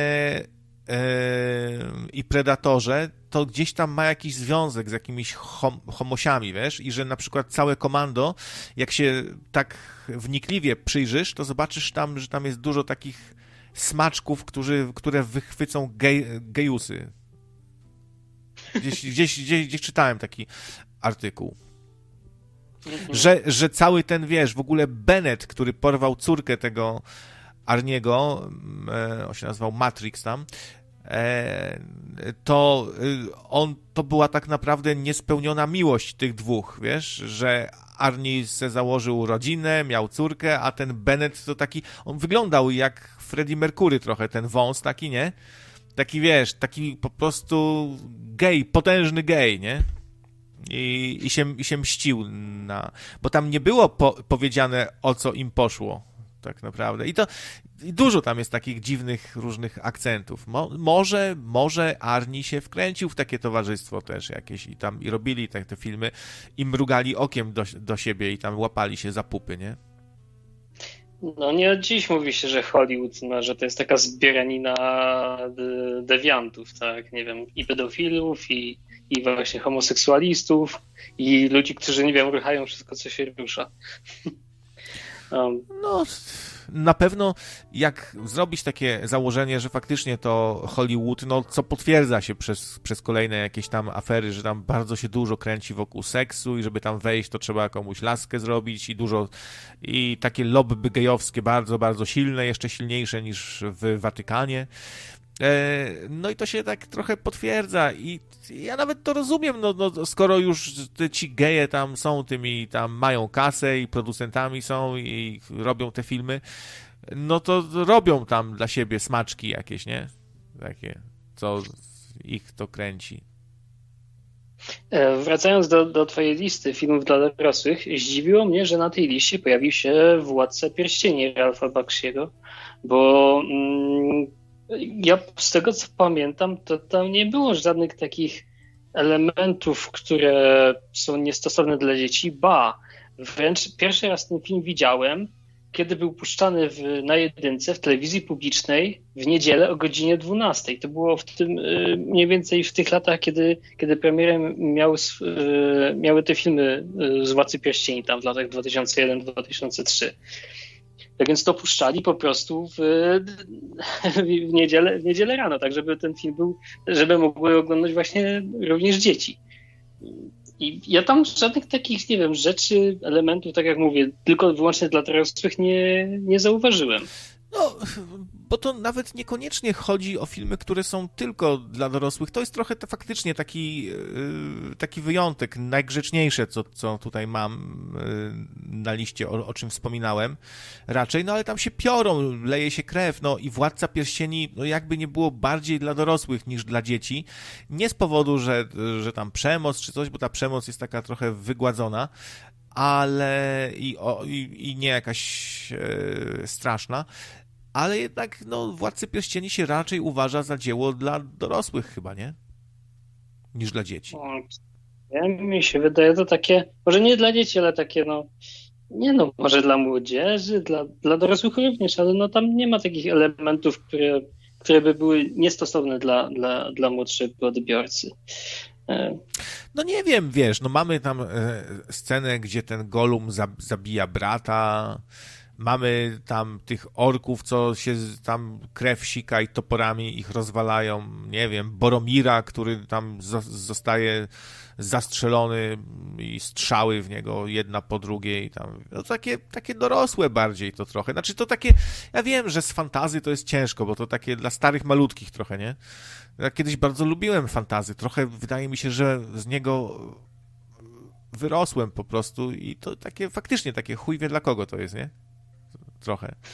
No, może nie, dla, no, tak może dla nastolatków, tak. może właśnie dla nastolatków, może to jest taka, e, jak Japończycy mają swoje anime y, i mangi, które są powiedzmy tam dla, dla przedziału wiekowego 16, 19, 20, coś w tym stylu, no to Europejczycy czy Amerykanie, no takie rzeczy robią dla dla podobnej grupy wiekowej, nie? Gdzie już się pojawia cycek, już się pojawia jakaś krew, y, ale to jest takie w sumie no, dla młodych bardziej, nie? Jeszcze.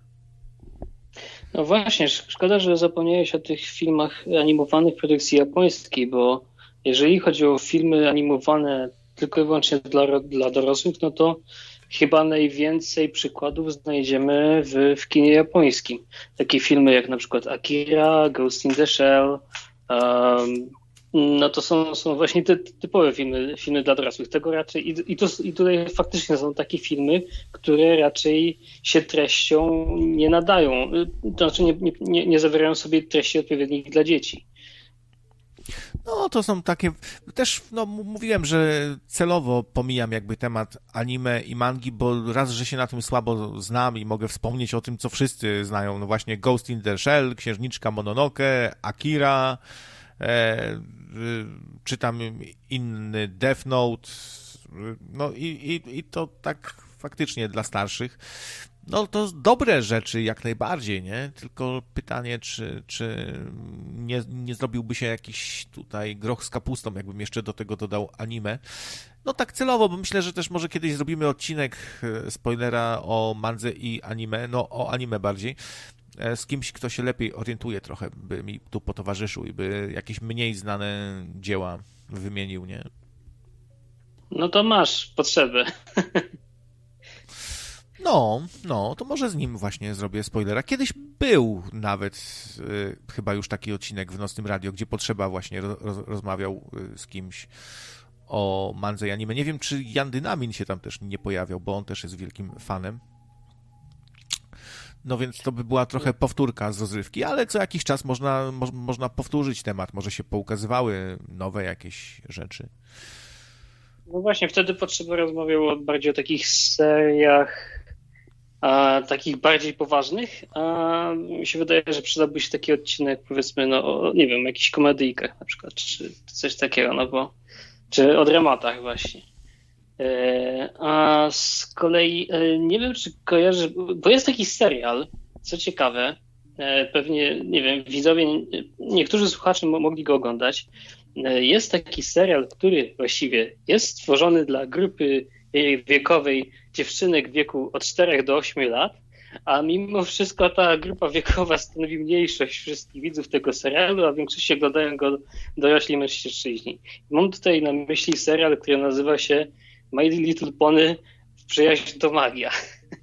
I to jest taki serial właśnie, który on, on jakby w swojej, swojej treści zawiera wszystkie elementy, które, które się nadają właśnie dla, dla przedziału yy, dla dziewczynek w wieku 4 do 8 lat. Natomiast on ma tyle w sobie nawiązań do, do, do popkultury, do innych filmów, do innych seriali, że po prostu ten, ten, ten serial zaczęli oglądać sami dorośli. I jeżeli się go ogląda, to dziecko widzi zupełnie co innego, a dorosły widzi zupełnie co innego. No, słyszałem Nie takie, wiem, czy... E, słyszałem takie właśnie opinie, że, że, że to jest e, jeszcze tam jest więcej smaczków i akcentów, takich easter eggów dla dorosłych niż w jakimś tam Johnny Bravo, atomówkach i tych wszystkich kreskówkach tego typu znanych z Cartoon Network. Nie wiem, czy to prawda. No. Znaczy, nie, no tak, tak, bo ja, ja, ja oglądałem ki, kilka sezonów te, tego, tego serialu. Pamiętam, że jest na przykład taki jeden odcinek, który jakby jest parodią programów tego typu, nie wiem, dlaczego ja, czy trudne sprawy, że pokazują, przedstawiają jakąś historię z, w retrospektywie, a później przed kamerą są bohaterki i opowiadają, że o, nie, nie, nie wiedziałam, że ona mogła to zrobić, jak mogła? Tak więc to też sobie polecam oglądać, bo yy, właśnie mimo, że to jest serial dla dzieci, to, to można się przy nim świetnie bawić. Um, no, dzisiaj tak bardziej właśnie, no, nie wspominałem o wielu produkcjach, które są w zasadzie dla dzieci, ale przy okazji może dorosły oglądać. Raczej dzisiaj wspominamy o takich, które są stricte, e, stricte dla dorosłych, nie? Mhm. Bo, no bo są takie e, tematy, które nigdy w bajkach się nie pojawią, takich, takich e, właśnie prze, przeznaczonych, w zasadzie stworzonych e, po to, aby oglądały, oglądali je albo nastolatkowie, albo rodzice z dziećmi swoimi i żeby się nie zanudzili. Trochę w takim celu powstały te nowofalowe, cartoon networkowe produkcje, typu właśnie Krowa i Kurczak. Cała ta seria What a Cartoons, What a Cartoon taka była trochę, Hmm. E, Fa Family Guy w ogóle miał pilota, który bardzo mocno się różnił w sumie od tego, co potem było, ale pierwotnie to było bardziej dla dzieci miało być. To była taka historia o głupim typie takim i jego bardzo mądrym psie. E, I to się uważa za pierwowzór trochę Family Guy'a. To też robił Seth MacFarlane. McFarlane. No, on, on dużo fajnych rzeczy zrobił. No, ale, ale dzisiaj tak, wiesz, bardziej właśnie e, Ho Horseman, Bojack, nawet ten Ren i Stimpy, on już, no to ciężko, żeby to dziecko oglądało, to zdecydowanie. Ale to kultowa kreskówka, jak ktoś nie zna, musi zobaczyć Rena i Stimpy'ego. Koniecznie, zobaczcie. Albo takie wspomniane właśnie przez Grześka tu pingwiny z Madagaskaru. To też jest, y, tam jest dużo żartów dla dorosłych i, i dorosły to z przyjemnością obejrzy, będzie się śmiał. No ale y, są pewne takie tabu, który, których nigdy w tego typu bajkach nie zobaczymy. Nawet jak tam się pojawi przemoc, nawet jakiś, eroty, jakiś żart o zabarwieniu lekko erotycznym, to nigdy się nie pojawią tematy typu narkotyki, rasizm, y, raczej też nie to już za wiele jest, nie? Krew, nigdy się nie pojawi czerwona krew raczej, z nielicznymi tam wyjątkami, gdzie ktoś się zapędził. No ale to są takie rzeczy, rzeczy, które zawsze się cenzuruje. Nawet w grach podobnie jest. Gra Carmageddon, gdzie się samochodem rozjeżdża ludzi, była w wielu krajach cenzurowana. No i właśnie trzeba zmieniać krew na zieloną i ludzi na roboty albo na zombiaki. Zombiaki to w ogóle świetny taki sposób na, na ominięcie pewnych restrykcji, pewnych ograniczeń i e, przyporządkowania mm, filmu do zbyt tam wysokiej kategorii wiekowej. Bo no, zombiak to nie jest już człowiek w sumie i nie ma czerwonej krwi, tylko zieloną. Da się ominąć dzięki takiemu zombiakowi. Chociaż w kreskówkach dla dzieci za dużo zombiaków nie widziałem.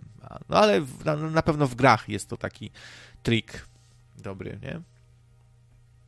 To Niemcy właśnie, y, Niemcy właśnie słyną z tego, że y, niektóre bardzo brutalne gry cenzurują w ten sposób, że podmieniają krew czerwoną na, na zieloną, a właśnie bohat, nie wiem, osoby, do których strzelasz ludzi podmieniają na zombie bądź cyborgi.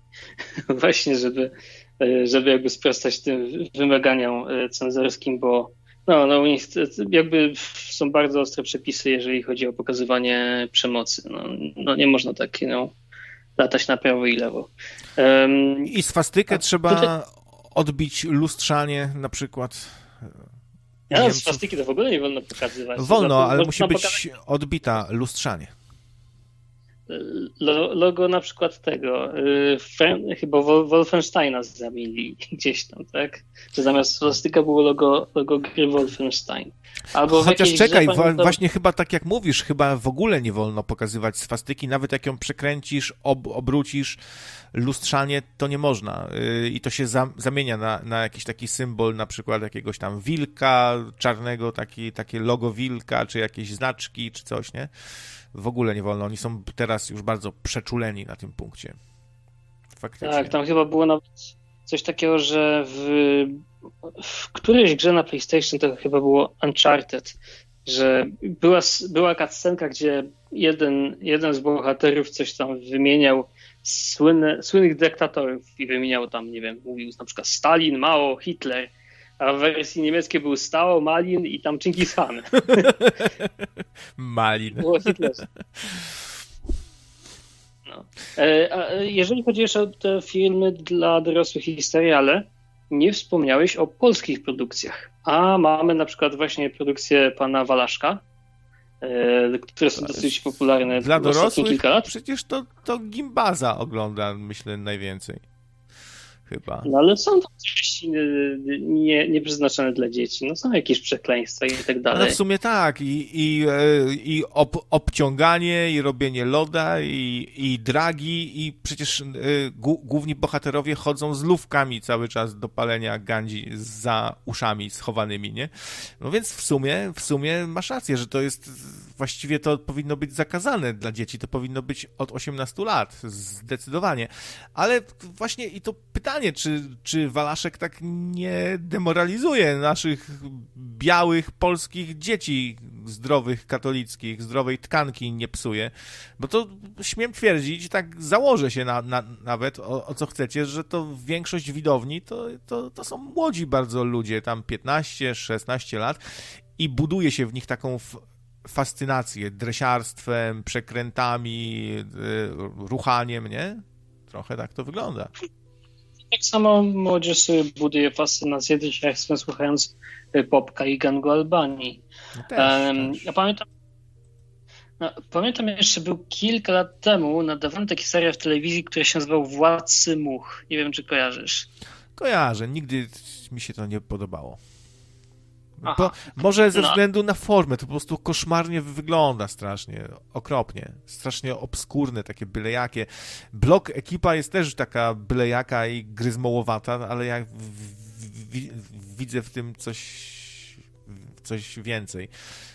E, tu po prostu jakoś to nie wyszło. Wygląda to, wygląda to strasznie, bo, bo tak jakoś to wyszło, a u Walaszka jest to jakby zamierzony zabieg, że ma to. Jest po prostu czasem można coś na, e, narysować byle jak i obskurnie i jest to śmieszne po prostu, nie? A ci władcy much też tych żartów tak nie do końca nie, nie, nie do końca mnie to może bawiło, śmieszyło, ale to też bardzo różne rzeczy ludzi śmieszą się okazuje. Natknąłem się na reakcję do filmu Kung Fury. No dzisiaj to modne na YouTubie nagrywać swoją reakcję, że siedzę, oglądam coś i, i się zaśmiałem I, i, i, ludzie to oglądają, jak ja zareagowałem na jakiś film. No i tak y, dla wielu ludzi to jest film wszechczasów, w ogóle z, zaczarowani i oczarowani, no taki absurd jeden wielki, znajdują kupę smaczków, cieszą się, a są też i tacy, którzy patrzą i w, w, w ogóle jakoś tak tak widać na ich twarzy taką dezaprobatę. Jakie to głupie. To, no i co? No i, i co? A, no, dobra. I to mnie, no to, to, mnie tak- zdziwiło. No ale to tak właśnie mówisz, dziwią się te osoby właśnie, które nie, nie widzą tych powiązań, które nie widzą, że ten bohater właśnie zachowuje się jak stereotypowy bohater filmu, Laki, lat, y, filmu akcji z lat 80. Te osoby nie wiedzą, że nie wiem, że y, że ten Hitler taki hajlujący i nie wiem, strzelający do wszystkich, to też, że, to jest parodia jakichś właśnie filmów exploitation. No, to, no, to, trzeba, żeby podejść do konkwiry, no to trzeba jednak mieć trochę już to trochę większy zasób, nie wiem, znajomości mm, różnych gatunków filmowych. To, to nie jest taki film, który pokażesz rodzicom i patrzcie, jakie fajne. No nie, no, no to raczej rodziców coś takiego nie, nie, nie zadziwi. What you gonna do? My job. I, I wyskakuje przez okno, rozwala okno, strzela do Ferrari swojego, w którym się drzwi od, otwierają. Pędzi w ogóle 200 na godzinę, jakieś automaty z gier, z salonu gier ożyły. E, a swoje moce ma ten kung fu gliniarz renegat, bo go ugryzła kobra i piorun trafił i no, i, i, hakowanie czasu. Jak to może kogoś nie śmieszyć? Nawet jak nie zna tych starych filmów, tak jak zauważyłeś, bo może nie znać, no ale tak po wieku widziałem, że powinni znać ludzie. Nie ja myślę, że po prostu są wśród nas tacy ludzie, którzy są bardzo sztywni i zaprosiłbyś ich na imprezę, to by na przykład siedzieli i, i, wiesz, i tacy smutni i nie wiedzieliby o czym gadać, e, by się zapytali, czy e, a o, o, ostatnio sytuacja polityczna jakby się zepsuła znowu, prawda? A ty jakiś tam żart byś powiedział, no to by udawali, że się śmieją. No takie sztywniaki po prostu trochę, nie? I nie wiem, chociaż zastanawiam się, co takich ludzi, których nie śmieszy Kung Fury, to co ich śmieszy? Nie wiem, Benny Hill, Monty Python. Monty Python im się nie. wydaje jakoś bardziej to mi się wydaje, że to nie są sztywniacy. To, to, jak mówię, że to są pewne osoby, które oglądając coś po prostu nie potrafią odebrać jakiegoś podawanego im materiału. Dobrym przykładem no, jest tutaj na przykład moja mama. Moja mama, jak ogląda jakiś film, jak oglądamy jakiś film w telewizji, to ona nagle się pyta, czy film się już skończy. Ja mówię, jak to się skończy? No przecież oglądasz z nami tutaj, przecież nie, nie było napisów końcowych jeszcze albo nie wie, czy się film zaczął, albo nie wie, czy jest, czy, czy jest yy, czy się, w tym momencie nastąpiła przerwa, czy się film już skończył. Albo często jest tak, że film się skończył, a on jeszcze siedzi, ogląda, bo myśli, że jest przerwa. No, są takie osoby po prostu, które oglądają coś bez, bezrefleksyjnie i mi się wydaje, że wśród wielu osób, i zwłaszcza osób starszych, jest y, ten odsetek jest dosyć, dosyć spory. Nie wiem, czy jak, jak z twoją matką, nie wiem, czy, czy masz jeszcze jakoś, nie wiem, jakichś dziadków, czy nie, żyjących, ale na przykład no, ja mam jedną z babci, która po prostu ogląda te wszystkie telenowele typu M jak Miłość, Plebania, Moda na sukces i tak dalej i ona to ogląda, bo tak się już przyzwyczaiła, ale ona nie pamięta, co, co wczoraj, co w zeszłym odcinku było. No jest coś takiego, jak, jak powiedziałeś, faktycznie. Taki brak jakby jakiejś percepcji i zdolności odbioru i zrozumienia takich rzeczy, które nam się wydają całkiem proste, zabawne, a ci ludzie tego nie, nie rozumieją. Tak się patrzą. Miałem, miałem takie sytuacje w rodzinie też, że, że, że po prostu no, zajebista jakaś rzecz, jakieś żarty, coś.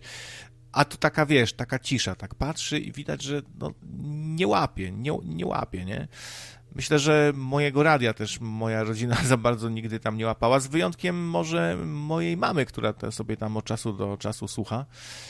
I ona, ona ma jakby bardzo dobry odbiór. Ma już swój też wiek, ale wiesz, obejrzy sobie takie Breaking Bad i ją to mega zainteresuje, a jednocześnie obejrzy, gdzieś tam będzie jeszcze yy, jedną nogą w tych starych czasach i będzie tęskniła za kabaretem starszych panów, y, za skrzypkiem na dachu i będzie lubiła zupełnie inne treści, ale te nowe treści, nowe jakieś czy seriale, czy jakieś takie żarty aktualne, to wszystko załapie i będzie się też śmiała, nie? Więc mam akurat to szczęście, że moja, moja mama jest y, pod tym względem kumata. No ale to jest ogólnie jakaś taka bolączka tego społeczeństwa polskiego, że, że bardzo wielu ludzi jest zupełnie niekumatych, nie rozumieją bardzo dużo z tego, co w wiadomościach usłyszą. Nie, nie, nigdy nic nie czytali. Da, jakim opowiesz jakiś żart, to będą go rozkminiać i dopiero się po chwili tam zaśmieją pod warunkiem, że będzie tam dotyczył dupy, czy kutasa, czy czegoś, nie? No jest po prostu dramat, dramat. No ludzie są tacy, tacy bardzo prości ludzie, oni nie rozumieją wielu żartów, symboliki, nawiązań, smaczków, jakichś mrugnięć okiem, żartów ani sytuacyjnych, ani humoru abstrakcyjnego, wiesz, no oni rozumieją taki żart, że tam właśnie Benny Hill biegnie, prze przewrócił się, poklepał go po głowie, a tu cycek, wiesz, no to tam będą się śmiali, nie? Ale jakiś na przykład, nie wiem, już takiego Monty Pythona, no to tak za dużo nie zrozumieją, nie, nie, nie, nie, nie będzie ich to śmieszyło, bo nie rozumieją po prostu, co tu jest do oglądania w ogóle, nie? To nie jest tylko specyfika społeczeństwa polskiego, mi się wydaje. E, jak ja ci kiedyś wspominałem, jak kiedyś tutaj wspominałem w, w, pewnej, w pewnej rozmowie, ja pracuję na helpdesku IT i ja mam bardzo często styczność z, z, klientami, z pracownikami naszej firmy z Ameryki. I tutaj e, z nimi jest dokładnie tak samo, jak, jak właśnie z tymi Polakami, którzy oglądają te filmy czy seriale. Jeśli na przykład, nie wiem, wyskakuje im jakiś komunikat z jakiejś aplikacji, oni się pytają, co mają zrobić. Są w stanie przeczytać mi dokładnie, co tam jest napisane, ale nie potrafią tego przeinterpretować, w sensie nie wiem, na przykład wyskakuje komunikat coś w stylu, czy chcesz się zalogować do, do tej strony, tak lub nie? I on się pyta, co mam zrobić, mam kliknąć tak czy nie? Tak, bo y, tacy ludzie nie mają w ogóle takiego nawyku, żeby przeanalizować coś sami. Oni się jakby, nie wiem, nie czują na siłach trochę. Oni się, oni się wolą ciebie zapytać, co mam tu kliknąć, tak czy nie. Oni się nie wczytają w tekst. To są ci sami ludzie, którzy nigdy nie przeczytają, nie wpadną na to, żeby do nowo zakupionego urządzenia przeczytać instrukcję przed tym, jak wiesz, jak coś zaczną działać z tym, nie? Po prostu tak, nie tak, mają takiego nawyku zupełnie. Oni, oni spróbują uruchomić to urządzenie metodą prób i błędów, a jak coś się zepsuje, no to nie wiem, roz, rozłożą ręce albo będą wzywać pomocy, pomocy, popsuło się. Nie, z, zwykle w rodzinie jest jakiś młody człowiek od tego, nie? I może stąd tak często w jakichś kreskówkach się pojawiają tacy rodzice bardzo, wiesz, prości, głupkowaci jak Homer Simpson i mądry dzieciak bystry, nie? No to tak trochę tak to wygląda. Często w wielu rodzinach myślę, że to tak wygląda dzisiaj. Muszę się zasmucić, bo to nie dotyczy tylko wyłącznie osób starszych, bo także w ten sposób zachowują się osoby, które mają 20, 30 kilka lat. One też nie potrafią analizować tego, co im wyskakuje na ekranie. Nie są w stanie powiedzieć na przykład nazwy aplikacji, w której pracują, chociaż pracują w niej już od 5 lat i od 5 lat uruchamiają codziennie, a nie wiedzą, że ta aplikacja się nazywa Outlook. Tak? No, taki, no, oni się tak. tylko po prostu nauczyli schematycznego klikania w dane jakieś miejsce, a jeżeli coś się zmieni, no to jest już problem. E, obserwowałem, jak moja mama się uczyła właśnie komputerów i dzisiaj już całkiem niezła w tym jest. Potrafi sobie, wiesz, sama zainstalować program antywirusowy, gdzieś go tam ściągnąć, e, stworzyć profil jakiś, zalogować się, to naprawdę jest jak na to pokolenie, to jest bardzo dużo i szacun, szacun, e, ale widziałem jak na początku to, to ciężko było. Było właśnie wszystko to, co mówimy. Nie czytanie, co jest na ekranie, tylko no co ja mam tu kliknąć, nie? Albo a co tu się dzieje? E, a to i tak bardzo długo nie mogła załapać, wiesz, e, to foldery, pliki, ale potem nastąpił taki jakby przełom, bo to po prostu jak obcujesz z tym, to w końcu jest ci coraz łatwiej, coraz łatwiej i następuje taki moment, że przeskakujesz pewien level, ta, wiesz, tak jakby, nie? I no ale największy dramat to jest z tym, że ludzie po prostu nie ćwiczą tej, tej, tej głowy swojej, no nawet gazet już nie czytają, nie? Tylko, tylko oglądają tam obrazki, wiadomości, a to, to, to, to jednak jest jakieś ćwiczenie, tak samo jak chodzisz na, na siłownię, no to musisz od czasu do, do czasu obcować z, z, jakąś ambitniejszą kulturą wyższą, posłuchać jakiejś spokojniejszej muzy, e, poczytać coś, jakąś książkę, gazetę, audiobooka posłuchać. Jak, jak nic z tego nie ma, no to robisz się taki zombiak troszeczkę, tak nie uwaczając tutaj, no bo to są często fantastyczni ludzie, oni jak najbardziej jest miejsce tu dla nich na świecie, no ale krytykować możemy, że następuje coś w rodzaju w, w, w wtórnego analfabetyzmu. I coraz jest wśród nas wielu takich kononowiczów, do których coś mówisz, a oni połowy nie rozumieją z tego, co mówisz, pop zawsze przekręcają, wszystko, wiesz, co mówisz do nich, to oni przekręcają, nie zapamiętują nazw, e, nie mają żadnej chęci, żeby sami się nauczyć, jak tam włączyć ten program do nadawania, mimo że zajmują się tym 10 lat, to oni za Chiny nie będą chcieli się nauczyć sami, tylko będą mieli zawsze kogoś, kto im to włączy, nie? Taka mentalność. Mhm. Znaczy to tak, no bo większość ludzi na świecie, tutaj mówię już w całym świecie, nie tylko o Polsce, bo to nie jest tylko specyfika Polski, to dotyczy całego świata. Zachodniego, a w szczególności tych krajów mniej rozwiniętych, powiedzmy jak Afryka, Azja i tak dalej, bo tam to podejrzewam, jeszcze oni są na takim etapie, że jakbyś im pokazał niektórym, nie wiem, telefon komórkowy, to by myśleli, że to jest magia jakaś. E, no, ale jeżeli chodzi o cały świat, no generalnie większość ludzi to nie są ludzie, którzy chcą coś analizować, e, rozmyślać na jakieś tematy. Oni chcą po prostu wykonać swoje, dostać pieniądze, wrócić do domu, położyć dupę przed telewizorem, wypić piwko i oglądać mecz. Tak, tak, no, chce większość ludzi na świecie, tego oni chcą, tak, więc, no, ale to jest już temat jakby ideologiczno-polityczny, więc może, może, może nie wchodźmy, no, ale no, dlatego Nocne Radio powiedzmy ma tak małą ilość słuchaczy, jak ma, no bo takich osób jest po prostu mało. Takich jak my, no tutaj, no, nieskromnie powiedzmy sobie, że no my jesteśmy jakąś tam elitą polskiego społeczeństwa, tak trochę. Może nie elitą, jesteśmy ludźmi, którzy których nie męczy rozmawianie o różnych ciężkich, trudnych sprawach, którzy lubią sobie, którzy znajdują przyjemność w dyskusji, którzy się czymś interesują, mają pasje jakieś yy, i tak dalej, i tak dalej, nie? A wielu tego wszystkiego nie ma, nie czuje potrzeby. Często tacy ludzie, z których troszkę tak się podśmiechujki se robimy tutaj, to mogą być lepsi od nas pod innymi względami mogą mieć takie społeczne umiejętności lepsze. Łatwiej im przychodzi załatwianie różnych spraw, e, lepiej się będą na spotkaniu jakimś z ludźmi czuli i swobodniej i zagadają, wiesz, mają wyrobione jakieś takie z kolei odruchy mm, e, i zachowania i umiejętności, skille, które pozwalają im e, lepiej egzystować w tym, tak w tym realu, no poza siecią, poza filmem, poza sztuką, kulturą, religią i polityką i tak dalej, nie mają jakiejś pasji, ale żyją sobie bardzo spoko, są szczęśliwi, zadowoleni i czasem nas prze, prześcigają w czymś. Mm, też była tutaj rozmowa... No. Ja bym się nie zgodził. Jak ja się, tak jak mówię, z tą styczność, którą mam z tymi osobami, no to one są naprawdę te, y, po prostu niemyślące. Na przykład zdarza się, że dzwonią do nas osoby, które się pytają, ja, y, czy, czy, mogą wziąć urlop. I my mówimy, że to nie jest nasze zadanie, bo my tutaj jesteśmy od naprawiania komputerów. A jeżeli chcesz wziąć urlop, to może pójdzie do swojego przełożonego. On mówi, ale mojego przełożonego nie ma. No, no to my dalej, no, no, dobrze, ale to co, co, co ma to z nami wspólnego? Po cholerę, po cholerę do nas dzwonisz, jak my naprawiamy komputery. Zapytaj się swojego wyższego przełożonego, nie wiem, czy coś. No, ale to, to, to nie są ludzie, którzy naprawdę coś, nie wiem, potrafią sami załatwić. To tacy ludzie, którym jak nie powiesz, że hej, masz zrobić to i to, masz zrobić A, B i C, to one, one po prostu nie, nie zrobią nic. Będą siedziały, będą rozkładać ręce i będą krzyczeć pomocy. No, Takich takie osoby niezaradne jednak trochę, nie? Faktycznie. Właśnie takich osób niezaradnych jest większość na świecie.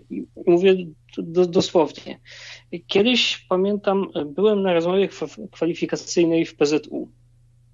I w czasie tej rozmowy kwalifikacyjnej osoba, która tam przeprowadzała ze mną proces rekrutacji, poinformowała mnie, że zdarza się, że do e, siedziby PZU przychodzą osoby, i na przykład chcą założyć konto, albo chcą wyciągnąć pieniądze z konta, ale PZU nie jest żadnym bankiem do cholery, tylko jest firmą ubezpieczeniową. Ale te osoby po prostu nie potrafią tego zrozumieć. One myślą, że jeżeli jest jakieś duże logo, to na przykład, że, że to, to musi być bank. Może, o, może, nie, nie, może niepotrzebnie usprawiedliwiam faktycznie takich ludzi, o których tu sobie teraz gadamy, bo to też często są tacy, którzy nas właśnie oszukają w, wa w warsztacie samochodowym, którzy, to są tacy ludzie, którzy jakby innych swoich ziomków, obywateli tego kraju za bardzo nie szanują, nie, nie pomogą ci. Mają tak innych zaśmieci z wyłączeniem swojej rodziny, którą bardzo kochają. Wszystko dla nich zrobią, rzucą się pod pociąg za, za nich. To często tak jest ale y, inny obywatel, sąsiad jakiś, to w ogóle spierdalek, kto ty jesteś, frajerze, ty cfelu, idź. I, cię, I tacy ludzie cię często oszukają, oszwabią, wiesz, yy, tak trochę to wygląda, więc to oni przekładają swoje, za, za, swoje, bardzo dużą część swojego życia, zainteresowania i poświęcenia, empatii na najbliższych tylko i wyłącznie. Tacy ludzie właśnie, no, prości. Nie wiem, czy pamiętasz taką sytuację. E, to było chyba bodajże w roku 2007, jakoś tak, że pewien Polak przyleciał do Vancouver i ten na, y, został zabity na, na, na tym lotnisku Vancouver przez policjantów, ponieważ władowali w niego, y, strzelali do niego po prostu z tych, z tych taserów, tak? Z, z tych pistoletów tak, elektrycznych. Tak, tak. E, I, I wiesz, wszyscy tam byli wtedy oburzeni, że jak to można było zabić, że tam służby nie zadbały, że, że zabito tego Polaka, że myśmy powinni, nie wiem, coś tam, jakiś protest złożyć na, na ręce rządu Kanady, żeby oni nam, nie wiem, odpłacili jakoś za tego Polaka, żeby przeprowadzić śledztwo. A co chodziło? Ten facet przyjechał tam do tej Ameryki, żeby szukać, do tej Kanady, żeby szukać lepszego życia. Jego matka już tam mieszkała i jego, ma, jego matka mu powiedziała, że słuchaj synku, jak ty wyjdziesz z samolotu, to ja będę do, na ciebie czekać przy, przy wejściu, w tym miejscu, gdzie się odbiera bagaże, w tej strefie. I on, a to, tam wiadomo, że jak, jak ktoś kiedykolwiek latał samolotem, no to wiadomo, że w tej strefie, gdzie się odbiera bagaże, to nie ma możliwości, żeby szedł ktokolwiek inny niż służby lotniska i ci i te osoby, które wychodzą z samolotu. Tam nikt nie, nie, nie przyjdzie żaden gość, który czeka na lotnisku, żeby kogoś odebrać. No i ten facet nie, znał, nie znał ani angielskiego, jedyne co potrafił to, nie wiem, wymachiwać rękami, I przez kilka godzin błąkał się po, tym, y, po, tym, y, po tej strefie bagażowej w lewo i w prawo, w lewo i w prawo. Gdzieś tam próbował wyjść y, tym, tym samym wejściem, kiedy przyszedł i tam próbował wejść tam, gdzie się wychodzi z samolotu. Służby go wyganiały, mówiły do niego po angielsku, on nic nie rozumiał, tylko po prostu odwracał się na pięcie, jak widział, jak widział jakichś ochroniarzy i szedł w drugą stronę. No i na końcu po prostu się tak zdenerwował, że zaczął ochroniarzy rzucać, rzucać krzesłami i jeszcze do nich krzyczeć po polsku. No, a wystarczyłoby na przykład, że nawet nie znając tego angielskiego, żebym na przykład spisał sobie numer, adres tej swojej matki, bądź numer telefonu do niej i pokazał to służbom i powiedział, nie wiem, jakoś na migi powiedział, żeby do, do niej zadzwonili, albo nie wiem, pokazał chociaż paszport polski, żeby zadzwonili do kogoś z ambasady czy z konsulatu, żeby mu, mu pomogli. A on nie zrobił nic. On wolił po prostu, wiesz, uciekać na lewo, na prawo, odwracać się i na końcu jak już y, był wycieńczony, głodny i w ogóle spragniony, no to zaczął rzucać się krzesłami i go zabili przez to, bo był agresywny. No, może powinniśmy zrozumieć trochę tego człowieka. Jego po prostu przerosło to wszystko. On Właśnie, sobie totalnie nie poradził, nie znał języka, czuł się obco. Po raz, pra, pra, prawdopodobnie po raz pierwszy był na lotnisku, leciał, leciał samolotem, co było dla niego wielkim przeżyciem. Czuł strach, bał się, gdzie jest jego matka, która miała wyjść. Ja nie wiem, czy ja mam tu pójść, czy tu. Tu gdzieś chce iść, to go tam za, zawracają. Tu chce iść, to łażą za, za nim i coś do niego mówią. O, on nie wie co. I spanikował i z takiego strachu e, bierze się agresja. No tak jak Jodam mówił, ag agresja i złość ze strachu się biorą. Mm no i tak to, to, szkoda mi takiego człowieka. To jest w pewien sposób taki inwalida. Yy, znaczy, ten człowiek by sobie mógł świetnie poradzić, jakby się urodził w innej epoce, nie? I yy, miałby proste życie, że kowalem jakimś jest, czy tam jeździ gdzieś wozem, coś wo wozi, on by mógł wspaniale sobie e egzystować, ale on sobie nie poradził, można powiedzieć, z cywilizacją. Po prostu ze współczesnymi czasami sobie nie poradził. Był bardzo wsteczny. No, no szkoda no mi tak. takiego człowieka. A mi, mi właśnie trochę nie, szczerze mówiąc. Yy... Znaczy, no to jest jakby, jakby nie patrzeć, no to jego trochę wina, no bo on się do tego nie przygotował. On po prostu myślał, że sobie na, na lejciku poleci na, na drugi koniec świata i że tam wszystko będzie ok, bo mu mamusia naciskała kitu, że będzie czekała na niego w, w tym miejscu, gdzie się wydaje bagaże. No. A, ale to też, no, no, mówię, to, to jest taka mega niezaradność, taka mega, mega niezaradność, że trzeba wziąć, mimo że facet miał 45 lat chyba, trzeba wziąć takiego chłopa wielkiego za rączkę i przeprowadzić z miejsca A do miejsca B, no, bo on sobie rady nie da, bo on sobie nie jest w stanie sam poradzić. I to nawet nie chodzi o znajomość y, czy nieznajomość angielskiego, no bo to jest pełno osób, które latają po całym świecie i nie znają języka w kraju, do którego przyjeżdżają, ale no można było właśnie zrobić coś takiego, że nie wiem, pokazać adres tej kobiety, pokazać numer telefonu komuś ze służb, pokazać swój paszport, żeby skontaktowali się z kimś, z jakimś tłumaczem. On nie zrobił nic po prostu. On wolał po prostu, nie wiem, no latać wolał, po no. całym budynku. No. No nie, że wo wolał, tylko nie potrafił inaczej. No, wiesz, no, nie, potrafił, nie znalazł w sobie też tej siły, żeby się uspokoić, zastanowić. E, taki człowiek działa trochę e, emocjonalnie bardziej. E, w nim rządzą instynkty, emocje, bo on tak się przyzwyczaił, że tak w życiu działa, że tu, wiesz, może mieszkał w jakiejś miejscowości małej, gdzie tam ktoś jakiś pod sklepem go zaczepi, to trzeba na niego nawrzeszczeć. No tak ludzie prosto żyją czasami. Wiesz, ilu takich ludzi w Polsce może być? Ja bym stawiał, że miliony. To takie właśnie kononowicze trochę, no. Ludzie na poziomie pana Krzysztofa i Majora i oni, zobacz, jacy oni niezaradni są. Przecież ten Major, on się cały trzęsie, jak, jak on już od lat odwleka perspektywę, e, przeprowadzki i wynajęcia mieszkania sobie, bo dla niego wynajęcie mieszkania to jest e, wielki quest, wielka przygoda i wielkie przed, przedsięwzięcie. On czuje, że on czuje gdzieś tam w głębi, że on sobie z tym nie poradzi, te, te dokumenty, całe te. Dla, dlatego on tak często podkreśla, że on ma działalność i on ma firmę, bo on chciałby, wiesz, być taki hop do przodu w te sprawy i on utożsamia e, taki właśnie wyższy level ogarnięcia w tych sprawach, że on jest kimś, bo on ma firmę i on płaci podatki. Y, I że on już, wiesz, że on taki jest zaradny, bo se firmę założył i on jest z tego dumny po prostu bardzo, że, że poradził sobie z tym, nie? Właśnie to założenie firmy. Dla niego to było w, po prostu wielkie wyzwanie i on takie tematy utożsamia z z byciem zaradnym, z byciem takim człowiekiem, który radzi sobie w życiu, że on ma firmę, nie?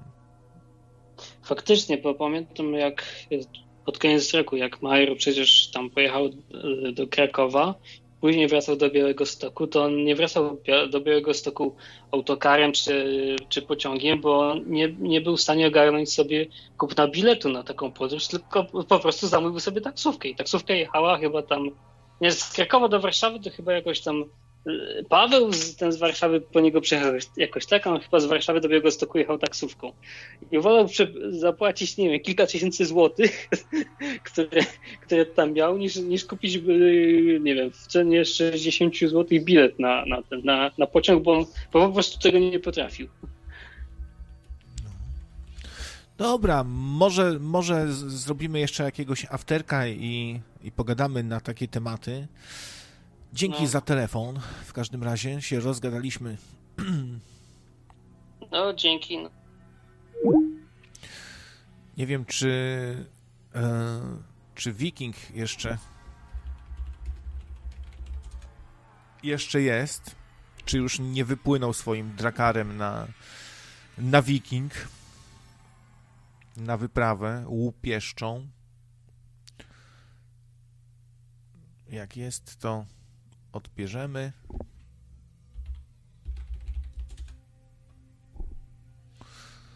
No.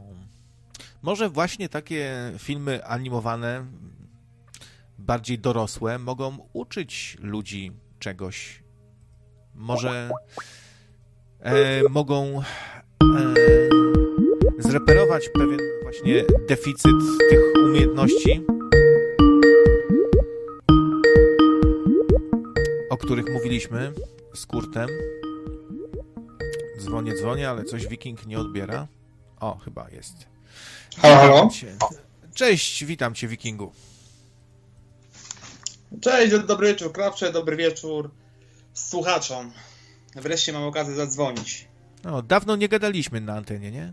Nie, no naprawdę bardzo dawno przez pracę i tak dalej nie miałem kompletnie czasu. Jestem no, w trybie odsłuchu raczej. I co powiesz ciekawego? I co powiem ciekawego? No po prostu bardzo ciekawy temat audycji. No. Każdy... Po prostu bardzo ciekawi mnie właśnie e, tematyka e, animacji dla dorosłych. E, to od zawsze jakoś mnie tam za, za się ciągło i tak dalej. Sporo tych produkcji oglądałem no właśnie tego tych South Park i tak dalej, tam jakoś tam chyba to mnie najbardziej zaraziło do tego typu e, tego typu produkcji. Najbardziej. A jakie masz najulubieńsze swoje jakieś produkcje? No, różne różniaste, no, tam wspomniałeś tam Brickenberry, e, które Brickenberry po prostu, które zmieniło się, e, ci sami twórcy zaczęli tworzyć, no, znaczy dodam taką ciekawostkę, że ci sami twórcy zaczęli tworzyć tam, tam Paradise DC, coś w tym stylu właśnie, tam, że po prostu zmieniły, po prostu zmienili po prostu format serialu i, i dlatego tam przerwali po prostu ten serial. No. E, ale, więc ale nie, czyli więc co? Czyli ma jakiejś tam- przerobili? Czyli Tak? co? Czyli prze, przerobili serial na coś innego? Czy, czy jak? Tak, tak. Tak? Tak? tak, po prostu ten park narodowy zmienili na policję po prostu. Aha, Nic więcej. No. to Więc dlatego po prostu to nie jest jakaś e, teoria spiskała, że tam coś za odważnego robili i i dlatego zmienili. Dla- Dlatego ich wyrzucili, po prostu zmienili format. A bohaterowie Ale- są, są ci sami? Bohaterowie, no są ci sami nawet dość... No, czy znaczy nie, nie są ci sami tam, to jakieś inni są bohaterowie. Ale też jest ten sam format, że jest zwierzątko i tak dalej. Po prostu z, zamiast misia, agresywnego małego misia jest owczarek niemiecki tam i tak dalej. Aha, I takie tak, dziwne zmiany. I nawet, nawet był też odcinek crossoverowy, czyli tam, że z dwóch uniwersum byli w tym samym serialu. No, w ten sposób. To ciekawe, to muszę się zapoznać. Czyli Paradise PD. Tak jest, coś w tym, coś w tym stylu. To chyba też jest. Znaczy to jest na Netflixie, tak, no kiedyś tam kiedyś, kiedyś tam to z bratem zmęczyliśmy ten serial. Mm, tak, no jeżeli chodzi o seriale, znaczy, znaczy no wszystkie, które wspominały się, coś tam widziałem tam, czyli no może tak Rick, i Morty. To jest taki serial, to może tak epizodycznie widziałem, e, to jest serial, który akurat męczył moja młodsza nieletnia siostra tam, go, za bardzo go męczy i tak dalej whatever. I czasami jakiś tam odcinek widziałem tam, ale coś dla mnie chyba już jest za szybki właśnie, jeżeli chodzi o takie, o takie właśnie, co się wspomniałeś, tematy. Że tam sam bodźce i tak dalej po prostu leci już. Wiesz co, ty uważaj, nie wiem ile siostrzyc, siostrzyczka ma lat, ale to Ja- Za mało, tak, za mało. no, chyba za Ale- mało, bo tam na przykład w pewnym momencie lądują na jakiejś planecie, czy w jakimś takim miejscu, gdzie y, tam wiesz, wszyscy ze wszystkimi w strojach jakichś wymyślnych sadomaso. Ale Rick, to mówisz chyba o drugim odcinku, bo pamiętam, że kiedyś sam próbowałem to oglądać i drugi odcinek właśnie był właśnie coś w tym stylu, coś pamiętam. I właśnie, właśnie wtedy wyłączyłem to sobie. Bo tak stwierdziłem, że tak już za, za głupkowate i tak dalej. No. A potem tylko jakieś tam odcinki widziałem. Epizody jakieś pojedyncze. ten serial jest bardzo różny i e, bardzo różne scenariusze, klimat to się zmienia, więc myślę, że jak komuś się nie spodobały pierwsze, nie wiem, dwa odcinki, trzy, czy gdzieś tam w środku Tak, tak. włączył, prawda, to warto się z tym przeprosić. Jeden, epi- jeden epizod, który na przykład bardzo mi się podobał, mi się ten e, odjechana sytuacja, to była jakaś, jak ktoś może oglądał ten serial, tak za spoilerując, jak to mówi e, tytuł, te, tytuł tej audycji, e, to właśnie była taka planeta, gdzie co, coś ala planeta małp, ale po prostu tam e, na tej innej planecie rządziły węże po prostu i to, to był bardzo śmieszny odcinek. No. Super był, super był, te węże, no. I e, e, był to fajny eksperyment taki, bo e, mogliśmy się zastanawiać, ile w tych wężach jest z naszej cywilizacji jeszcze jakiś czas temu, właśnie za czasów II wojny światowej. E, takie mm, mogliśmy się przyłapy, przyłapywać na tym, że sami takimi wężami byliśmy, trochę taką wężową cywilizacją. E, No i, i prześmieszne, no bo potem tam były i podróże w czasie, i te węże tam wy, w, z- do, dostały od Ricka schemat, e, Rick im jakoś tam ten schemat podrzucił e, do skonstruowania maszyny czasu i one zaczęły kombinować z przenoszeniem się w czasie. No dużo tam się działo, a, a zaczęło się od przypadkowego zabicia i y, zabicia węża astronauty przez Ricka i Mortiego. Potrącili go swoim kosmicznym samochodem jakiegoś węża astronautę, nie? I z tego wynikła cała draka, bo Morty chciał to zamaskować i wysłał jakiegoś takiego węża kupionego u nas tu w sklepie zoologicznym na tą planetę, wę- na tą planetę węży i ten wąż, który y, właśnie był z Ziemi, y, wzbudził olbrzymie zainteresowanie i pokazał tym wężom, że istnieją inne węże w kosmosie. No to w ogóle, słuchajcie, ciężko tą fabułę opowiedzieć nawet, bo ona jest taka popieprzona. No chyba, że, wy, że, że weźmiemy jakieś takie, nie wiem, scenki, że że planeta, na której słońce krzyczy, i tak się drze po prostu ob, opętańczo, nie? Wychodzi sobie za, za, za horyzontu i słychać i tak, Tak jest. się cały czas drze. No i ciężko mieszkać na planecie takiej, gdzie słońce się cały czas drze, nie? nie jest to No, fajne dość- miejsce. Tak, no dość ciekawy koncept. No to tam, tam. No i też tu przypominam Mateusz Snake Jazz. Tak jest, właśnie chciałem wspomnieć. To też właśnie taki jeden głupi epizod, a naprawdę to fajnie się to oglądało się tam, bo... Ale raczej to nie, ale jakoś nie zachęci mnie tej, mimo to jakoś nie potrafię tego sobie sam włączyć, żeby oglądać odcinek za odcinkiem, tak jak to niektórzy lubią. No. Ja lubię, lubię i czekam na kolejny sezon, piąty. Chyba się jeszcze nie, nie ukazał, nie? No, ale, ale to jestem fanem. Chyba moja ulubiona kreskówka ostatnich lat. Znalazłem w niej po prostu dużo takiego odświeżenia, czegoś zupełnie nowego. Totalnie absurdalne światy na innych planetach, cyw- cywilizacje, które się rządzą zupełnie innymi prawami. To jest, to jest fajne, bo to pokazuje Mm, to jest no, takie bardzo ciekawe zobaczyć sobie świat, który działa na zupełnie innych regułach, nie? Według innych reguł. E, Świat tak różny od naszego, a nie wiecznie ta rodzinka i mądry chłopak, rezolutny i głupkowaty tata. No bo tak to, to zro- zrobił się trochę schemat taki. Zauważ we wszystkich tych kreskówkach e, The Simpsons, South Park, Family Guy, tam zawsze starzy są tacy, tacy bardzo durnowaci, prości, no i tacy właśnie, a dzieci przemądre, nie? No i to, to ile można takie coś oglądać? Tak, to prawda. no. Znaczy to mówisz o tej głównej tej o tych starych, może o tej starszej fali z lat 90., jak mówisz o tym South Parku, i tak dalej, etc. To jest właśnie ten właśnie model, no prawie to się w ogóle nie zmienia się, jak w jakimś, kurde, uniwersum Balaszka, kurde. No. no.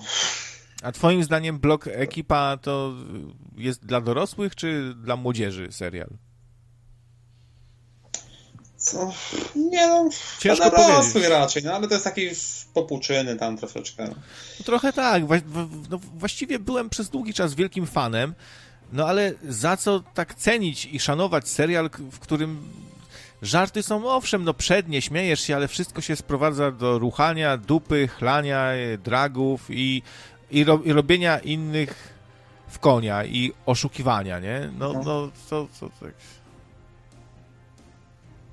Słabo. Prawda, prawda. Tak, tak, znaczy to jest, to jest to samo co zawsze po prostu u Balaszków i tak dalej. No, znaczy, znaczy nie, nie powiem, znaczy jeśli nie, Jezu, no, dzwonisz enty razy i schodzi to do uniwersum Balaszka. No, więc bardzo. zostawmy i powiedzmy, zostawmy może ten temat i polećmy se, serial też animowany Ziomek, który moim zdaniem pod każdym względem był lepszy od blok ekipy. Francuski serial, o którym tu wspominaliście już. Świetnie zdubbingowany, po prostu y, nadspodziewanie do, dobrze wyszedł dubbing, w którym nie brano aktorów, celebrytów, tylko y, wzięto ludzi ze sceny hip-hopowej, różnych po prostu tam hip-hopowców i raperów, to, nie wiem jak to się mówi, raperów. Ale tu właśnie poruszyłeś dość, e, poruszyłeś dość ciekawy temat, bo, znaczy nie, bo ja może widziałem może jakiś jeden urywek właśnie z tym dubbingiem, że o tam, bo właśnie wcześniej w innych edycjach też tam się po, było podniecanie się tym dubbingiem i tak dalej. I właśnie bardzo mi się podoba mi się to, że na przykład e, jak są te Netflixowe e, dubbingi do tych seriali, seriali dla dorosłych i są, jak dla mnie są najbardzo dobrym, są na bardzo dobrym poziomie, jeżeli chodzi o, jeżeli chodzi o dubbing na język polski.